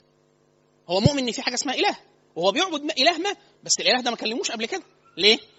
الاصنام آه هو مؤمن بيها كده إيمان إيمان يعني بتاع التراب وال لكن في صنم كلمه قبل كده؟ ما حصلش. ولو حد ادعى إن هو كلمه كلام أشجاع الكهان الكاهن اللي بيتحدث عن آه، الصنم كلام معروف. عشان كده حتى لما سمعوا قالوا لا ده مش شبه إيه؟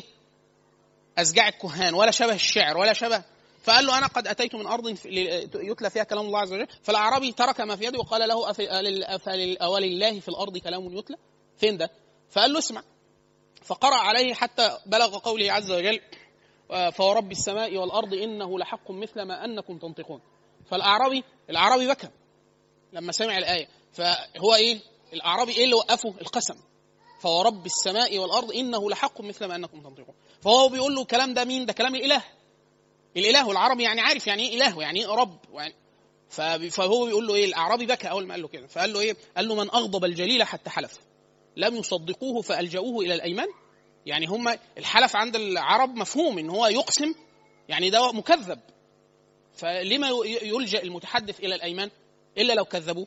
فقال له إيه؟ قال له قال له من أغضب الجليل حتى حلف. لم يصدقوه فألجأوه إلى الأيمان. وده أعرابي. لا ده لا, لا سامح حاجة ولا بتاع. هو بس إيه؟ هو بس ال ال ال اليهودي يهودي عربي لما قرئ عليه القرآن وده متقدم في العصور يعني مش في عصر النبي صلى الله عليه وسلم بس كان يهودي عربي. لما قرئ عليه القرآن في أنتوا عارفين في آيات فيها حزن. يعني في آيات تستشعر إن الآية فيها سرور. كلام أهل الجنة والملائكة. في كلام في آيات حزينة يعني إيه؟ عذاب أهل النار الو- الوعيد وبتاع. ففي آيات يستشعرها تستشعرها الأذن. فبكى. فيقولوا له يعني أنت مش على دين الإسلام وأنت إيه اللي بيبكيه؟ فقال أبكاني ال- الشجا أو الحق يعني هو متأثر بايه؟ اللغة ليها سطوة ليها سطوة شديدة جدا على الكلام. أنا أعرف قصة بنتين كانوا بيدرسوا موسيقى آه، أظنهم بريطانيين. آه، متخصصين موسيقى ومش مسلمين وما يعرفوش عربي. جو فات مرة في زيارة سياحية حاجة زي كده وسمعوا قارئ متقن بيقرأ القرآن قعدوا في مصر قعدوا فترة طويلة ما أعرفش بعد كده أسلموا ولا ما أسلموا قعدوا على شيخ آه، يعني ادوا له أجر وبتاع يعلمهم أحكام التجويد ويحفظهم حاجة زي كده. من ال من فقط النغم أو إيقاع الكلام اللي هو الكلام ده وكأنه في حاجة. هل ده يتعرض ليه كل الناس؟ لا مش لازم كل الناس. العربي طبعا مقدم كل ما الواحد يزداد فهمه للعربية كل ما إيه؟ كل عشان كده في كتير في التاريخ المعاصر من أكابر الناس متحد... العلماء العربية كانوا نصارى. بالذات نصارى الشام أباء القومية العربية هم نصارى. منهم آه، مشهور جدا الشيخ أحمد آه، هو يعني هو كان نصراني بس بعد كده أصلا صار شيخ يعني. العلامة أحمد فارس الشديق. أحمد فارس الشديق كان نصراني. العربية لها سطوة. هو عالم بالعربية. ثم هداه الله عز وجل الاسلام العربي معاه. قاعد يفهم يفهم يفهم ثم أسلم. وليه كتابات عظيمة جدا في اللغة العربية. خلاص؟ حتى العرب سيدنا أنيس أنيس آه، ابن آه، أخو سيدنا أبو ذر الغفاري. سيدنا أبو ذر الغفاري مش من مكة من غفار. فهم سامعين بالنبي صلى الله عليه وسلم. في واحد في مكة بيدعي إن هو نبي وفي خناقة والناس آه، قومه في مشاكل. سامعين. ف سيدنا أبو ذر آه، سيدنا أنيس أخوه. وكان شاعر فحل في الجاهلية شاعر قوي. فسأله قال له يعني أنت رحت مكة قريب؟ قال له آه قال له شفت ال- الرجل اللي بيدعي إن هو نبي؟ شفته سمعت منه؟ فقال له آه سمعته. سمعت كلامه. فقال له وما تقول فيه؟ قال يقولون. شاعر. يعني لما سألتهم قالوا له إيه؟ قالوا له شاعر. طيب إحنا هنا إيه؟ في حياة العرب. إيه بقى الحكم إن ده نبي ولا شاعر؟ العلم بالعربية فقط اللي كان عند العرب. قال له يقولون شاعر. وقد وق- وق- وضعت كلامه أي القرآن على أقراء الشعر اللي هي أوزان الشعر والبحور المعروفة عند العرب. فقد وضعت كلامه على أقراء الشعر فلم يلتئم على شيء منها. وإنه لصادق وإنهم لكاذبون. هم كذبه لا شاعر ولا حاجة. اللي بيقولوا ده أصلا لا شعر ولا ولا شبه الأشعار خالص والكلام يعلو ولا يعلى. الوليد بن المغيرة ولم يسلم. ولم يسلم. بل عد عاد كذا واحد من صناديد الكفر في قريش لما سمعوا القرآن منهم من بكى واستعبر ومنهم من وضع كفه على فم النبي صلى الله عليه وسلم. كان فيها آية وعيد. في أول صاد فسكت النبي صلى الله عليه وسلم حتى خوفا من الكلام. هو الكلام بس الكلام يعني فزع قلبه. وهو غير مؤمن ولم يسلم. ولم يسلم. منهم من استجاب يعني منهم من يعني أخذ القرآن بقلبه فخاف وأسلم. زي جابر بن المطعم بن عدي. المطعم آه، جابر سيدنا جابر سمع النبي صلى الله عليه وسلم يقرأ في الطور. بسم الله. يقرأ بالطور فيقول فكاد قلبي يطير للإسلام بسبب فهمه للعربيه فهمه للعربيه وهداية الله عز وجل. الوليد بن المغيرة لما جه يوصف القرآن هو لما راح سمع النبي ورجع أول ما شافوه قالوا إيه ده أنت شكله أسلم. قد جاءكم بغير الوجه الذي ذهب به. هو رايح عامل كده. رجع القرآن كسره. كسره. هو ده هو النبي صلى الله عليه وسلم هو كان قاعد النبي صلى الله عليه وسلم قال له فرغت يا أبا الوليد.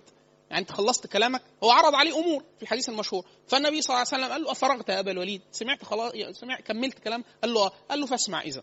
شوف أنا هقول لك إيه. فالراجل اتكأ وضع إيده ورا كده وقاعد على الأرض وساند إيده كده. والنبي صلى الله عليه وسلم قرأ عليه فواتح سورة صاد حتى لما إيه؟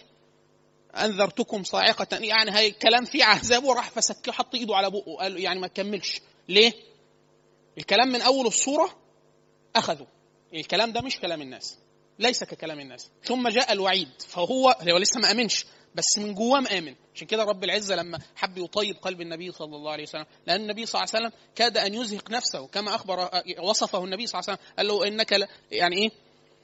لعلك باخع نفسك. يعني النبي صلى الله عليه وسلم كاد أن يزهق نفسه حتى يؤمن الناس فالله عز وجل يعني إيه خفض عليه وقال له إيه؟ يعني دي مش وظيفتك. وظيفتك بس إن أنت إيه؟ تبلغ بس. فالفكرة في إيه؟ إن الاخذه الاخذه الأخذة القلبية دي لا هو مش ولم يسلم. ولم يسلم. بس إيه؟ من جواه من جواه مؤمن. عشان كده رب العزة قال له إيه؟ إنهم لا يكذبونك. ولكن الظالمين بآيات الله يجحدون. يعني هو إيه؟ هو واستيقنت قلبه استيقن إن هذا الكلام ليس من كلام الناس. بم- بما يعلمه من العربية فقط. فقط. وإلا خلاص ده شعر. خلاص اتفقنا. قول زيه. قول زيه. عشان كده إحنا دايما بنقول العربية العربية حجاز الديانة. يعني حاجز عند حصن الديانة اللغة العربية. اللغة العربية. من سيرة النبي صلى الله عليه وسلم التزام هديه واللغة العربية. تعلم العربية من الديانة يا اخوانا من الديانه يعني من الإيمان بمحمد صلى الله عليه وسلم أن تتعلم لسان النبي صلى الله عليه وسلم. واحد من علماء العربية جاله واحد يعني قليل العلم بالعربية فقال له إيه؟ قال له أنا بس بقرأ القرآن وبلاقي فيه كلام متناقض.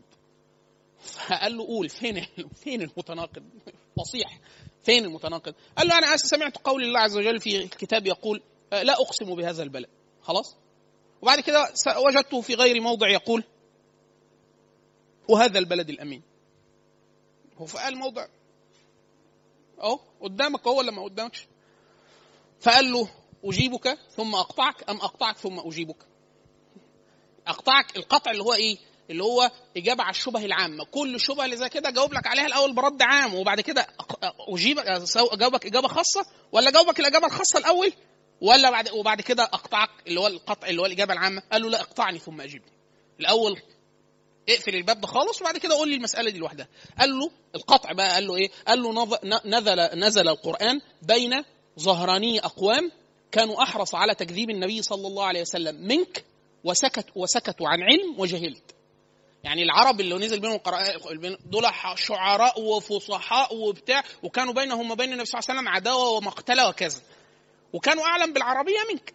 فلما سمعوا الكلام ده لم ينكروه. خلاص فسكتوا عن علم وجهلت. يعني نزل القرآن بين ظهرين أقوام هم أفصح منك. يعني أعلم بالعربية. فسكتوا عن جهل عن علم وجهل هم كانوا أحرص منك على تكذيب النبي صلى الله عليه وسلم ولم يتكلموا. فيبقى إيه؟ هم كانوا فاهمين اللي اتقال وأنت ما فهمتش. ده الإيه؟ ده القطع. أنا بقول لك كان الراجل اتكلم قدام 100 دكتور ولم يخطئه أي دكتور. فأنت تيجي تقول لي ممكن تكون عدت عليهم كلهم؟ فبقول لك إيه؟ لا مش ممكن تكون عدت عليهم كلهم. خلاص؟ طب قال له طب فأجبني. قول لي بقى الإجابة الخاصة. قال له العرب العرب تتكلم بالنفي يعني لا وأشبه. خلاص؟ وتقصد إلى بضع وعشرين معنى غير النفي الصريح. يعني من تعلم العربية علم أن مثلا الباء في العربية لها 22 معنى حرف الب. الب اللي هو به الجر. إحنا معنى من المعاني الالصاق ومعنى مش عارف المحاذاه 22 معنى. فواحد يقول لك مش البه دي اللي بتعمل كذا لا ما بتعملش. ده ليها بتاع 21 حاجة تانية بتعملها. خلاص فتتعلم كلام العرب ثم تطعن في كلام العرب بعد كده. فقال له ليها بضع يعني العرب بتقول حاجة وعشرين استخدام للنفي غير النفي الصريح منها ضد النفي. اللي هو إحنا بنقوله في العامية لما يكون واحد يعني بلغ غاية التأكيد يقول لك إيه؟ وأنا مش هحلف لك. يعني خلاص. هو مش هقول لك والله. اللي هو إيه؟ لا أقسم بهذا لا أقسم. لا أقسم معناها أحد معناها إيه؟ أقسم غاية القسم. أحيانا. فده عكس معنى النفي. فالعرب تستخدم النفي إلى بضع وعشرين معنى منها عكس النفي. فقال له إيه؟ الناس دي كانت فاهمة كويس بس أنت اللي إيه؟ مش مذاكر شوية. يعني ذاكر عربي وإن شاء الله هتتحسن شوية. خلاص؟ فاحنا دايما نقول إيه؟ حتى حاليا في التاريخ المعاصر لما يجي يقول لك إيه؟ القرآن فيه خطأ نحوي أو فيه مش عارف إيه. فإحنا دايما إيه؟ الكلام بنقول إيه؟ في الرد العام يعني نقول إيه؟ متحدث بهذا الكلام؟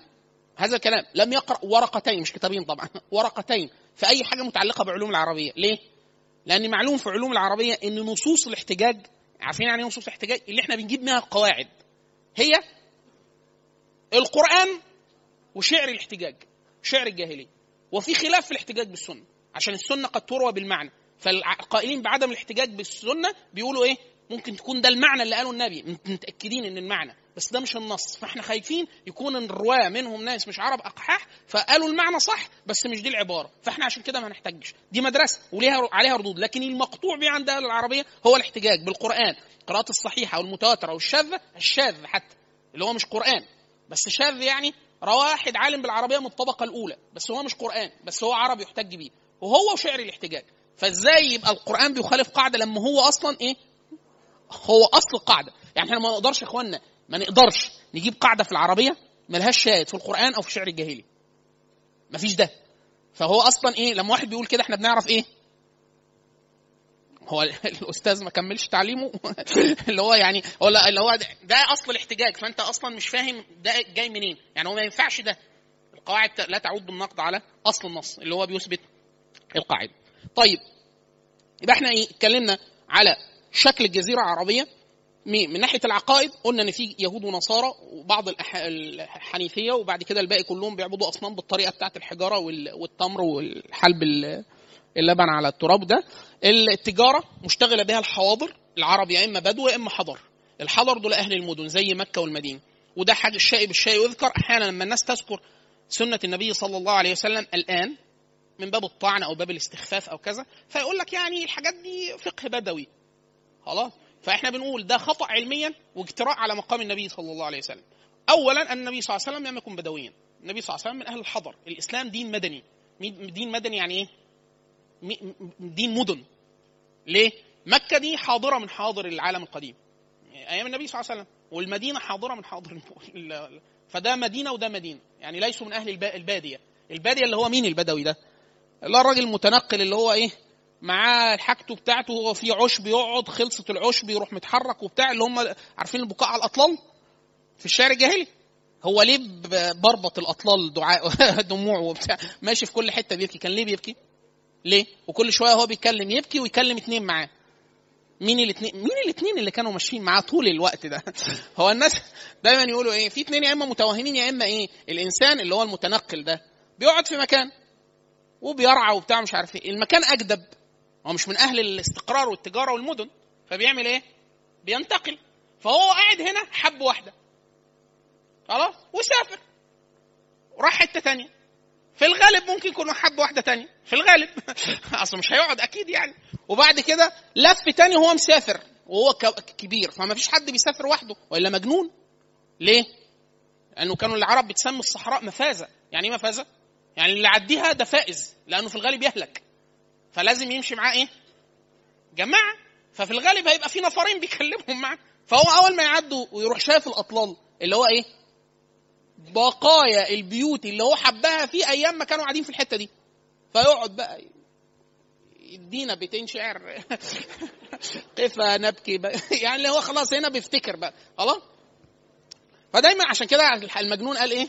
وما حب الديار. شغفنا قلبي. ولكن حب من؟ سكن الديار. يعني هو أكيد مش حابب الحيطة. هو حابب إيه؟ ما هو كان يقول إيه؟ أقبل ذا الجدار ذا الجدار وما حب الديار ش... وما حب الديار وما حب الديار شغفنا قلبي ولكن حبه من سكن الديار. هو إيه؟ هو مش حابب الحيطان هو مفتكر بس الإيه؟ الجماعة اللي كانوا قاعدين. طيب خلاص. فإحنا إيه؟ الفكرة في إيه؟ إنه إحنا بنقول العرب ده بدو حضر. فواحد الإسلام دين حضر. النبي صلى الله عليه وسلم ده بل النهي النبي صلى الله عليه وسلم في نهي صريح للصحابة على أن على التعرب. يعني الصحابي قاعد في مدينة نهاهم إلا شخص أو شخصين بس من الصحابة بشكل بنص خاص إنه ما حدش يتجا يمشي من الحضر ويروح الريف. ما يهاجرش. مش كده إحنا بنقول في الإسلام في أحكام الهجرة دي ليها أحكام. إحكام يعني واحد هيمشي من مصر يروح ليبيا واحد هيروح من مصر يروح إيطاليا واحد هيروح من مصر يروح روسيا واحد من مصر هيروح أوكرانيا واحد هيروح اليابان واحد هيروح الصين واحد كل دول ليهم حكم بحسب هو الشخص وهيروح في المكان فين كل دولة ليها حكم. لا إيه دار كفر لدار كفر دار كفر مغلظ لدار كفر مخفف دار عهد دار ذمة دار نصارى دار يهود دار بيعبدوا أوثان بيعبدوا بقر بيعبدوا أرانب على حسب الإيه المنطقة اللي هم إيه ومحدش يستبعد موضوع الأرانب لأن في ناس بتعبد فيران في الهند يعني عشان بس إيه نبقى العقائد كتير. خلاص؟ طيب طرق التجارة. النبي صلى الله عليه وسلم ده جزء من خصائص النبوة. عشان وإحنا بنتكلم بعد كده في السيرة في التفاصيل الغزوات والسرايا نفهم إن المسلم ده مش درويش. يعني إيه مش درويش؟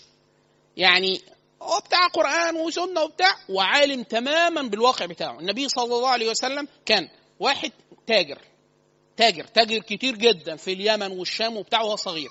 وشارك في حروب في مع قبيلته وأهله وقومه قبل النبوة زي الفجار. وشارك في القضايا الشائكة بتاعت مجتمعه زي إعادة بناء البيت ووضع الحجر الأسود وكذا. وكان النبي صلى الله عليه وسلم مؤتمن على أمانات الناس في الجاهلية بل كانوا مسمينه الصادق الأمين. ليه؟ كان الرجل النبي صلى الله عليه وسلم مش قاعد فيلسوف بيتأمل في غار كما بعض الناس بتصور النبي صلى الله عليه وسلم. لا ده النبي صلى الله عليه وسلم كان رجل من من الناس. كان بيرعى الغنم وبيتاجر وبيتزوج ومعاه أولاد وبيرعاهم وكان المشاكل اللي بتعرض لقومه كان رجل من قوم. خلاص حتى أتته إيه؟ النبوة. تمام؟ فالنبي صلى الله عليه وسلم لعلمه الشديد جدا بطرق التجارة في الجاهلية لما النبي صلى الله عليه وسلم هاجر وذهب إلى المدينة يعني أذعنت قريش في آخر الأمر لما فعله النبي صلى الله عليه وسلم به هو النبي عمل إيه على الحقيقة؟ لما راح المدينة لم يترك سبيل لتجارة قريش تمر إلا وقطعوا عليه. ما فيش مكان يقدروا يتاجروا منه إلا حتى لما غيروا طرق التجارة وودوها القبائل تانية هاجم هذه القبائل. حتى يعلم الناس أنه من ساعد قريش فهو عدو للنبي صلى الله عليه وسلم. حتى النبي صلى الله عليه وسلم لما جاء في صلح الحديبية لما خرجوا كانوا الأول هيقاتلوا فقال ويح قريش يعني نهكتها الحرب هم مع لاقين ياكلوا. هو قطع عليهم جميع طرق التجارة. خلاص؟ وحتى النبي صلى الله عليه وسلم لما تجاوز قضية العرب وبدأ يفكر في الروم ذهب إلى أقصى تجارة الشام فحتى يعلم جميع الناس أن ما من تجارة تمر. ده طريق عالمي للتجارة. من الشام من الشام إلى اليمن أو بعرض الجزيرة إلا وقعت في يد النبي صلى الله عليه وسلم. فإما أن يعاهدوه أو يحالفوه. إما يكونوا أحلاف يا إما يدخلوا في دينه يا إما يعملوا عهد حتى يأمنوا على أنفسهم خلاص فعلم النبي صلى الله عليه وسلم بالتجارة حتى الأقوام الذين أتوا بعد كده هنقول الكلام ده في الوفود لما أتوا للنبي صلى الله عليه وسلم أو لا مش هنتعرض ليه في ال... الشيء بالشيء يذكر لما جاءوا لي في الوفود فقال لهم أنتم منين؟ قالوا من حتة معينة في اليمن، قال لهم أنا أنهاكم عن كذا فنهاهم عن أوعية معينة، منقر ومزفت وبعض الأوعية. فالراجل قال له أنت عرفت منين ده؟ أنت عارف إيه المنقر؟ يعني هو بيقول للنبي أنت عارف يعني إيه منقر؟ قال له آه عارف أنتوا بتجيبوا حتة من شجرة وتقوروها كده وبتجيبوا تمر وبتنقعوه في مية وتغلوه ولما يغلى خالص بتاخدوه وتحطوه يسيبوه ينقع شوية في جذع الشجرة ده لغاية ما بيبقى إيه؟ ينتقى كأنه خمرة وبعد كده بتشربوه. فيقوم الرجل يقتل أخاه وابن عمه. أنا بعرف كده فقال له طب معلش أنت عارف ده منين؟ دول قبائل في اليمن فأنت عارف منين؟ هو مكي حضري فالنبي صلى الله عليه وسلم قال له لا أنا كان ليا تجارة زمان هناك. فأنا إيه؟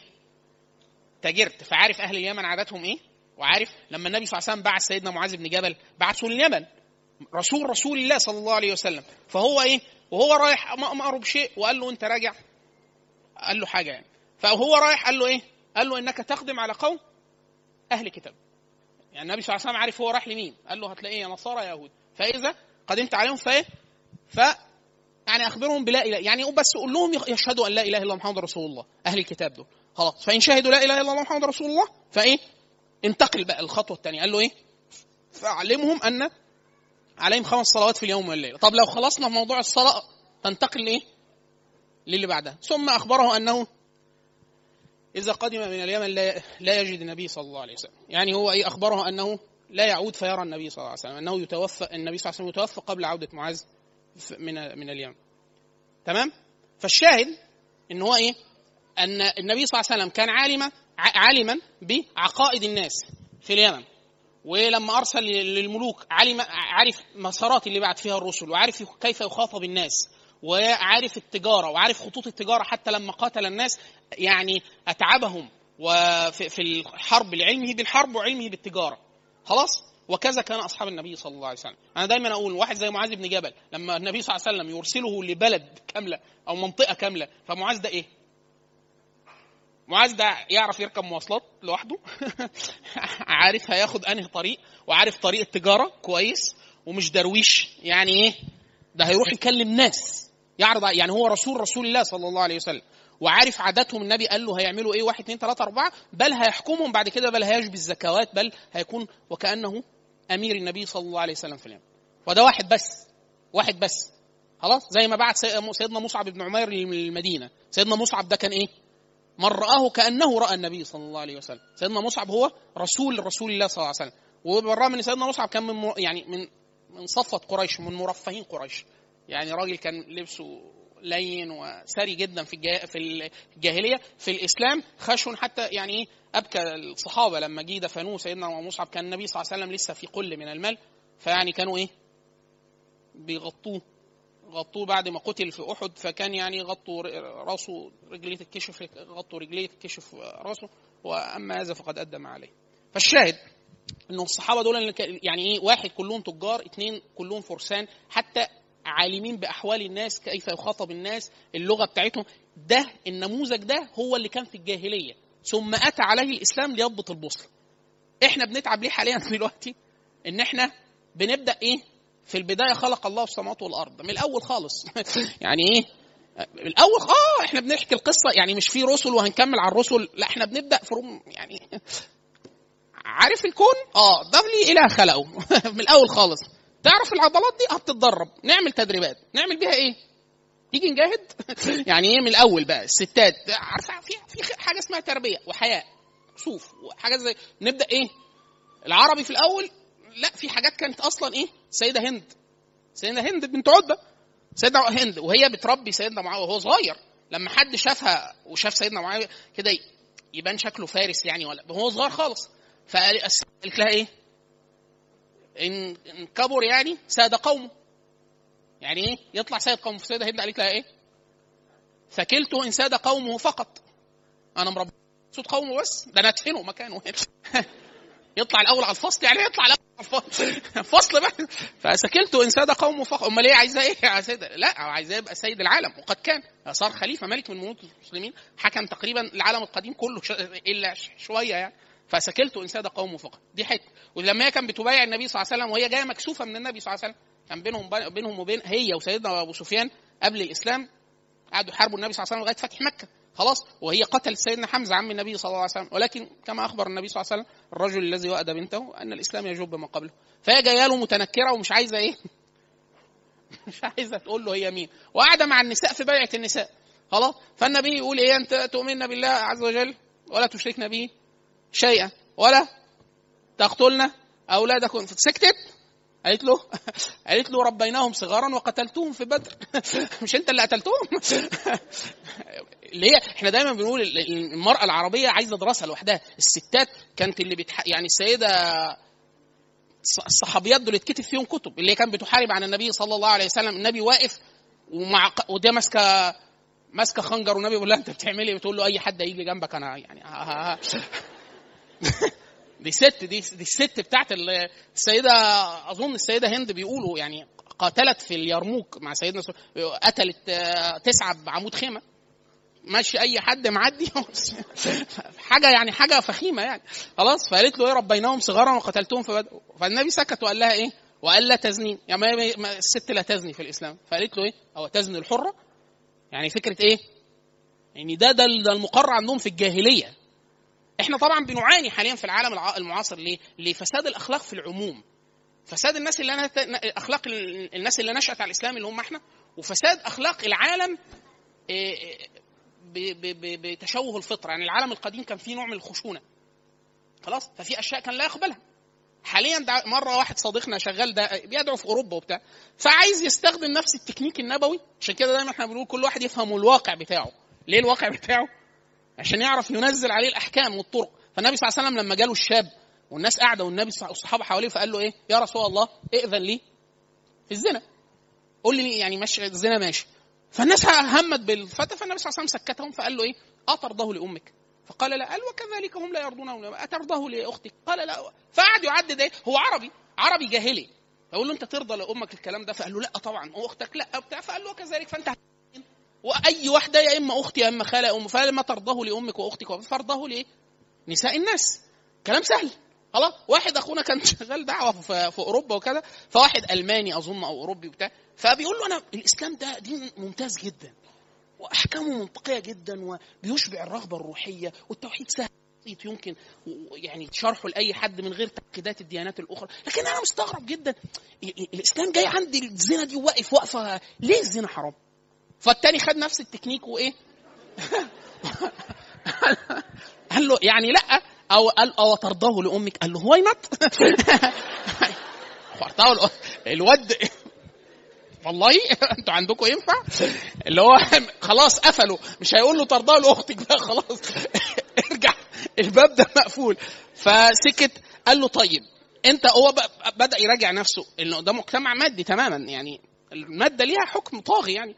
فقال له انت ترضى مراتك تخلف واحد مش ابنك. وانت تصرف عليه. قال له لا طبعا. قال له هبص شوف ال... شوف الكلام يجي إزاي. يعني الفكرة في إيه؟ إن هو يعني بس يعني من ده دي واقعة حصلت فعلا. لكن عند الدقة عند الدقة التبليغ عن الله عز وجل يكون التبليغ على ما قاله الله عز وجل. يعني الزنا محرم ليه؟ عشان محرم. إن هو فاحشة. ليه بقى؟ مش عشان لا النفقة ولا لا هو فكرة إيه؟ الزنا فاحشة. فاحشة. والله عز وجل إيه؟ لا يأمر بالفحش. خلاص؟ هي دي الفكرة. ليه؟ لأن إحنا أحيانا في واحد يقول لك إيه؟ الزنا عشان اختلاط الانساب إجابة مش صحيحة. ليه؟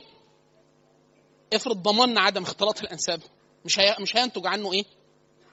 مش هينتج عنه حمل. يبقى مباح؟ طب أصل عدم عشان دي بخيانة زوجية. اللي هتزني مش متزوجة. واللي هيزني مش متزوج. وبتاع. فأنا هقفل لك كل الطرق هو الحل فقط العبادة. يعني دايما إحنا بنقول إيه؟ الإسلام على على إيه؟ على التسليم. على التسليم. اللي وصفوا الإسلام إن هو نكاح مباح هو نكاح مباح. اللي وصفوا إن هو زنا هو زنا. خلاص؟ ليه زنا؟ عشان كده إحنا دايما بنقول حديث النبي صلى الله عليه وسلم لمعاذ ده قانون في الدعوة. اللي هو إيه؟ دول قوم أهل الكتاب. فاول ما تبدأهم به هو إيه؟ يشهدوا أن لا إله إلا الله وأن محمد رسول الله. لو أنت شهدت أن لا إله إلا الله محمد رسول الله أنزل نفسك منزلة آدم. اللي هو إيه؟ الشجر كله مباح إلا الشجرة دي. ليه؟ دي حرام حرام. حرام. بس. ليه؟ مش هتضر ولا هتجيب له عسر هضمي ولا ممكن لو كلها هتجيله حساسية. مش مفيش كده. هو رب العزة أمره تكليفا وابتلاء وتعبدا إن ما تعملش كده. عشان كده لما رب العزة سيدنا عص... آدم وسيدة حواء عصوا الله عز وجل بأكل. بالدخول في النهي فقط. ما قالش إن الشجرة لما كلوها تعبتهم بدنيا بدنيا. ففهموا دلوقتي لا قال إيه؟ فعصى آدم ربه فغوى. بس هي معصية معصية. فعشان كده إحنا إيه؟ تسليم للحاجات دي في السيرة وإحنا ماشيين بنقول له القوم اللي هم كانوا بيعملوا كل حاجة دول قعدوا يشربوا خمرة لغاية بدر. يعني أهل بدر دول قعدوا بيشربوا خمرة لغاية بدر. ليه ما كانش اتحرمت؟ ما كانش اتحرمت ما كانش حرام. بعد كده قال لهم حرام بطلوا تماما. بعد كده قال لهم لغاية 15 سنة من البعثة كانوا بيصلوا ناحية البيت الحر... بيت المقدس. ليه؟ هو ربنا قال لهم كده. بعد كده قال لهم إيه؟ صلوا ناحية مكة. هو اللي كان بيصلي هنا؟ الأول كان جاهلي. ده بعد كده بيصلي ناحية البيت المقدس وبعد كده بيصلي ناحية الإيه؟ البيت الحرام. عمل كده ليه هنا؟ عبادة. عمل كده هنا إيه؟ عبادة. عشان كده رب العزة حتى برضه الكلام واضح في, في الآية. وما جعلنا القبله التي كنت عليها الا إلا لنعلم من يتبع الرسول مما ينقلب على عقبيه. بس. يعني هي بس ما والا يعني الفرائض فيها تكليف وعبادة. اعمل دي. ليه؟ مفيش ليه. أنت أقريت بلا إله إلا محمد رسول الله؟ أيوه. بس خلاص. يبقى أنت تبع لمحمد صلى الله عليه وسلم. عشان كده النبي صلى الله عليه وسلم ودي من أجل أجل أجل فوائد التعامل مع السيرة. إنه الإنسان يجعل النبي صلى الله عليه وسلم هو طريقه إلى الجنة. يجعل طريقه للجنة. يعني إيه؟ يعني ورا النبي صلى الله عليه وسلم خطوة بخطوة. أي حتة هتوديه كده أو كده لا ورا النبي صلى الله عليه وسلم. ليه؟ يقول أهل العلم لا يقبل من العمل إلا أخلصه وأصوبه. أخلصه يعني خالص لوجه الله. وأصوبه هو ما كان على هدي محمد صلى الله عليه وسلم. غير كده ما بيتقبلش. واحد عمل خالص لله عز وجل وليس على هدي النبي صلى الله عليه وسلم رد يعني مردود على صاحبه. يعني بدعة. طب هو عمل على هدي النبي صلى الله عليه وسلم. بيصلي زي ما النبي قال وبيصوم. بس ليس خالصا لوجه الله عز وجل. ينقص شرط الإسلام اللي هو الإخلاص نفسه إخلاص القلب لله عز وجل. فلا يقبل من العمل إلا أخلصه واصوبه الاثنين مع بعض. خلاص؟ ولا يدخل الناس الجنة إلا وراء النبي صلى الله عليه وسلم. حديث النبي صلى الله عليه وسلم كل أمتي يدخلون الجنة. إلا من أبى. قالوا ومن يأبى يا رسول الله؟ قال من أطاعني؟ دخل الجنة. ومن عصاني؟ فقد أبى. أنا عايز أعرف أوامر النبي صلى الله عليه وسلم حتى لو أعصيه. أوامره عشان ألتزمها ونواهيه هو ده من ثمرة من ثمرات السيرة. إن هو أنا أتبع النبي صلى الله عليه وسلم. عشان كده النبي صلى الله عليه وسلم ليه موقفين شداد جدا جدا جدا مع الصحابة. سيدنا موقفه مع سيدنا عمر بن الخطاب. عمر بن الخطاب كان يعني تعرف على أحد من يهود من اليهود في المدينة. فترجم له بالعربية بعض أشياء من الكتب التي لدى يهود. فسيدنا عمر قرأها فتشبه الكلام اللي موجود في القرآن. لأنه لو هو جزء فعلا لم يتحرف من التوراة فهو خرج والقرآن والإنجيل من مشكاة واحد. يعني هم كلهم نزلوا منين؟ من عند الله عز وجل. خلاص؟ لكن إحنا خلاص القرآن موجود يبقى القرآن يكفي هذه الأمة. القرآن وسنة النبي صلى الله عليه وسلم. إحنا مش بحاجة تانية في أمور الديانة. غير كده خارج أمور الديانة ده علم. يتعلمه الناس كيف شاءوا. لكن جوه الأمور الديان فسيدنا عمر بن الخطاب جاي والصحابة قاعدين ومنهم سيدنا أبو بكر الصديق والنبي صلى الله عليه وسلم أمامه ويقول يا رسول الله انظر إلى ما ي... وعمال يقرأ على النبي صلى الله عليه وسلم والنبي صلى الله عليه وسلم وجهه يتغير من الغضب. خلاص؟ وعمر لا يلتفت يعني مش واخد باله النبي صلى الله عليه وسلم يغضب وكان النبي صلى الله عليه وسلم لا يغضب إلا للحق يعني إذا انتهكت محارم الله عز وجل. فسيدنا أبو بكر الصديق قال له يعني يعني نهر عمر بن الخطاب قال له ثكلتك الثواكل ألا ترى ما في وجه رسول الله صلى الله عليه وسلم؟ يعني انت مش شايف وش النبي بيعمل إيه؟ فالنبي صلى الله عليه وسلم قال له آه متهوكون فيها يا ابن الخطاب؟ يعني أنتم متشككين في اللي أنا جئت به؟ والله لو كان موسى يعني انت الكلام ده مش مترجمه منين؟ من واحد ترجمه لك على أساس إن انت تظن أن هذا الكلام مما أنزل على قلب موسى عليه السلام؟ مش هو ده الكلام؟ فأنا بقول لك إيه؟ قال لك أو متهوكون فيها يا ابن الخطاب؟ والله لو كان موسى بين ظهرانيكم ما وسعه إلا أن يتبعني. يعني أنا لو كان موسى أصلا موجود مش اليهود سيدنا موسى عليه السلام موجود وجاء النبي صلى الله عليه وسلم فهو تبع لمحمد صلى الله عليه وسلم. خلاص؟ فأما أمور هداية الديانة وهداية القلب وأوامر الشر- الشريعة وأمور الآخرة عشان كده النبي صلى الله عليه وسلم لما أمر الناس في- حديث تادير النخل وأمور أخرى من أمور الديانة فقال لهم في الآخر قال لهم إيه؟ ما كان من أمر الآخرة أو ما كان من أمر الدنيا فأنتم أعلم بشؤون دينكم أو ما هو مرده مرده إليكم وما كان من أمر الآخرة فمرده إلي. يعني مرده إلى محمد صلى الله عليه وسلم. فهذه الأمة مكتفية بالقرآن والسنة اللي هم الوحي. خلاص؟ لا لا تطلب شيء في غيري في في غيره. حتى عشان كده في خلافة سيدنا عمر بن الخطاب حدث معه نفس موقف اللي حدث هو عمله مع النبي. بس كان سيدنا عمر بن الخطاب تعلم. تعلم. جاله واحد كان الناس في الفتوحات دخلوا بلد بلد بلد النبي دانيال. كان في نبي اسمه نبي دانيال حتى مشهور في شارع أظن في اسكندرية ما زال اسمه شارع النبي دانيال. فوجدوا رجل اللي هو جثة النبي ده. موجود على سرير الذي مات عليه ولم يدفنه الناس من مئات السنين. وقعد طبعا جسد الأنبياء محرم على الأرض فلا تأكله. فقاعد سليم. وكان الناس إذا يعني قحطوا أو أرادوا أن يستسقوا استسقوا به. سألوا الله عز وجل بنبيه اللي هو دانيال ده في- فيسقيهم الله عز وجل الماء والمطر. خلاص؟ ف ووجدوا بجانبه كتاب. كتاب الوحي اللي كا- اللي كان بيوحى إليه. فترجمه بعض الناس من اللغة دي إلى العربية. فجاء أحد الصحابة إلى عمر الخطاب مكتوب فيه قصص في الكتاب اللي ترجموه يشبه قصص القرآن تماما. نفس الكلام. وإحنا بنقول لو كان هذا الجزء صحيح مما لم يحرف فهو لابد أن يكون. لو كان نفس القصة يبقى هي أكيد هتبقى نفس القصة وإلا كلهم جاوا من عند الله عز وجل. فد- فدخل على عمر بن الخطاب وهو خليفة. خلاص ومعه الكتاب ويقرأ على عمر بن الخطاب. فعمر بن الخطاب لما قال له إيه ده فقال له قصص وجدناها وفيها قصص غريب قال له طب وريني كده الورق. فخده فجاء جاء بطست من الماء زي طشت كده في ميه وحط الميه. وكان الحبر الورق زمان الحبر يمحى بإيه؟ بالماء أو التفل زي ما إحنا العيال الصغيرة لغاية دلوقتي تعمل كده. آه يمحى بالتفل بس كان عشان حبر فعلا فيمشي. أو بالماء. يتغطس في ميه فيطلع إيه؟ فأخذ يمحوه بالماء ويقول نحن نقص عليك أحسن القصص. فهل يعني بعد أحسن القصص شيء؟ يعني هو الله عز وجل قص علينا أحسن القصص. فأي حاجة تانية إحنا إيه؟ لسنا بحاجة إليها. خلاص فنحن نكتفي بما لدينا من القرآن ومن السنة. طيب دول اللي هم إيه؟ هو وراء النبي صلى الله عليه وسلم. ودي من أجل فوائد السيره على الإطلاق إن هو يعلم الإنسان ما هي سنة النبي صلى الله عليه وسلم في كل شيء في اكلي في شربي في زواجي في معاملة. وده اللي إحنا بقى هنستطرد فيه إن شاء الله في سياق ال- اللي هو كيف كان النبي صلى الله عليه وسلم في يومه. من أول هو حتى قبل البعثة. النبي صلى الله عليه وسلم هيئته حتى قبل البعثة. كان النبي صلى الله عليه وسلم يقول كنت أمر على حجر كان يسلم علي في مكة قبل البعثه يعني هو عرف إن هو كان يسلم عليه فالعال الكون كله يعلم أن هذا هو محمد صلى الله عليه وسلم. حتى قبل النبي صلى الله عليه وسلم قبل أن يوحى إليه. الحجر والشجر عارفين أن هذا هو محمد صلى الله عليه وسلم. حتى أن جبريل عليه السلام لما ض- أهل مكة ضربوا النبي صلى الله عليه وسلم في أول الدعوة قبل أن يعصم. فكان النبي صلى الله عليه وسلم جالسا مهموما. وقد أذوه يعني آه، جرحوه في رأسه وكذا. فجاء إليه جبريل فقال يعني إيه؟ النبي صلى الله عليه وسلم حزين انه هو كذب وضرب وأهين وكذا. فسيدنا جبريل قال له يعني إيه؟ آه، ألا أريك آية؟ آه، يريد أن يخفض على قلب النبي صلى الله عليه وسلم أو يعني إيه؟ فقال له نعم. يعني آه، وريني. حاجة ت- يعني إيه؟ تطيب قلب النبي صلى الله عليه وسلم. فأشار إلى شجره فدعاها. فجاءت خلعت نفسها فجاءت إلى النبي صلى الله عليه وسلم وسلمت عليه بالنبوة. يعني هي تعلم أنه رسول الله صلى الله عليه وسلم فعادت مكانه. فقال هل رضيت؟ قال رضيت. يعني إيه؟ هو الفكرة عايز يقول له إن يعني أنت لا تحزن فالكون وإن كانوا هم كذبوك فهذا الشجر والحجر يعلم أنك رسول الله. حتى الأعرابي الذي كان يكذب بالنبي صلى الله عليه وسلم فأتى للنبي صلى الله عليه وسلم بالضب.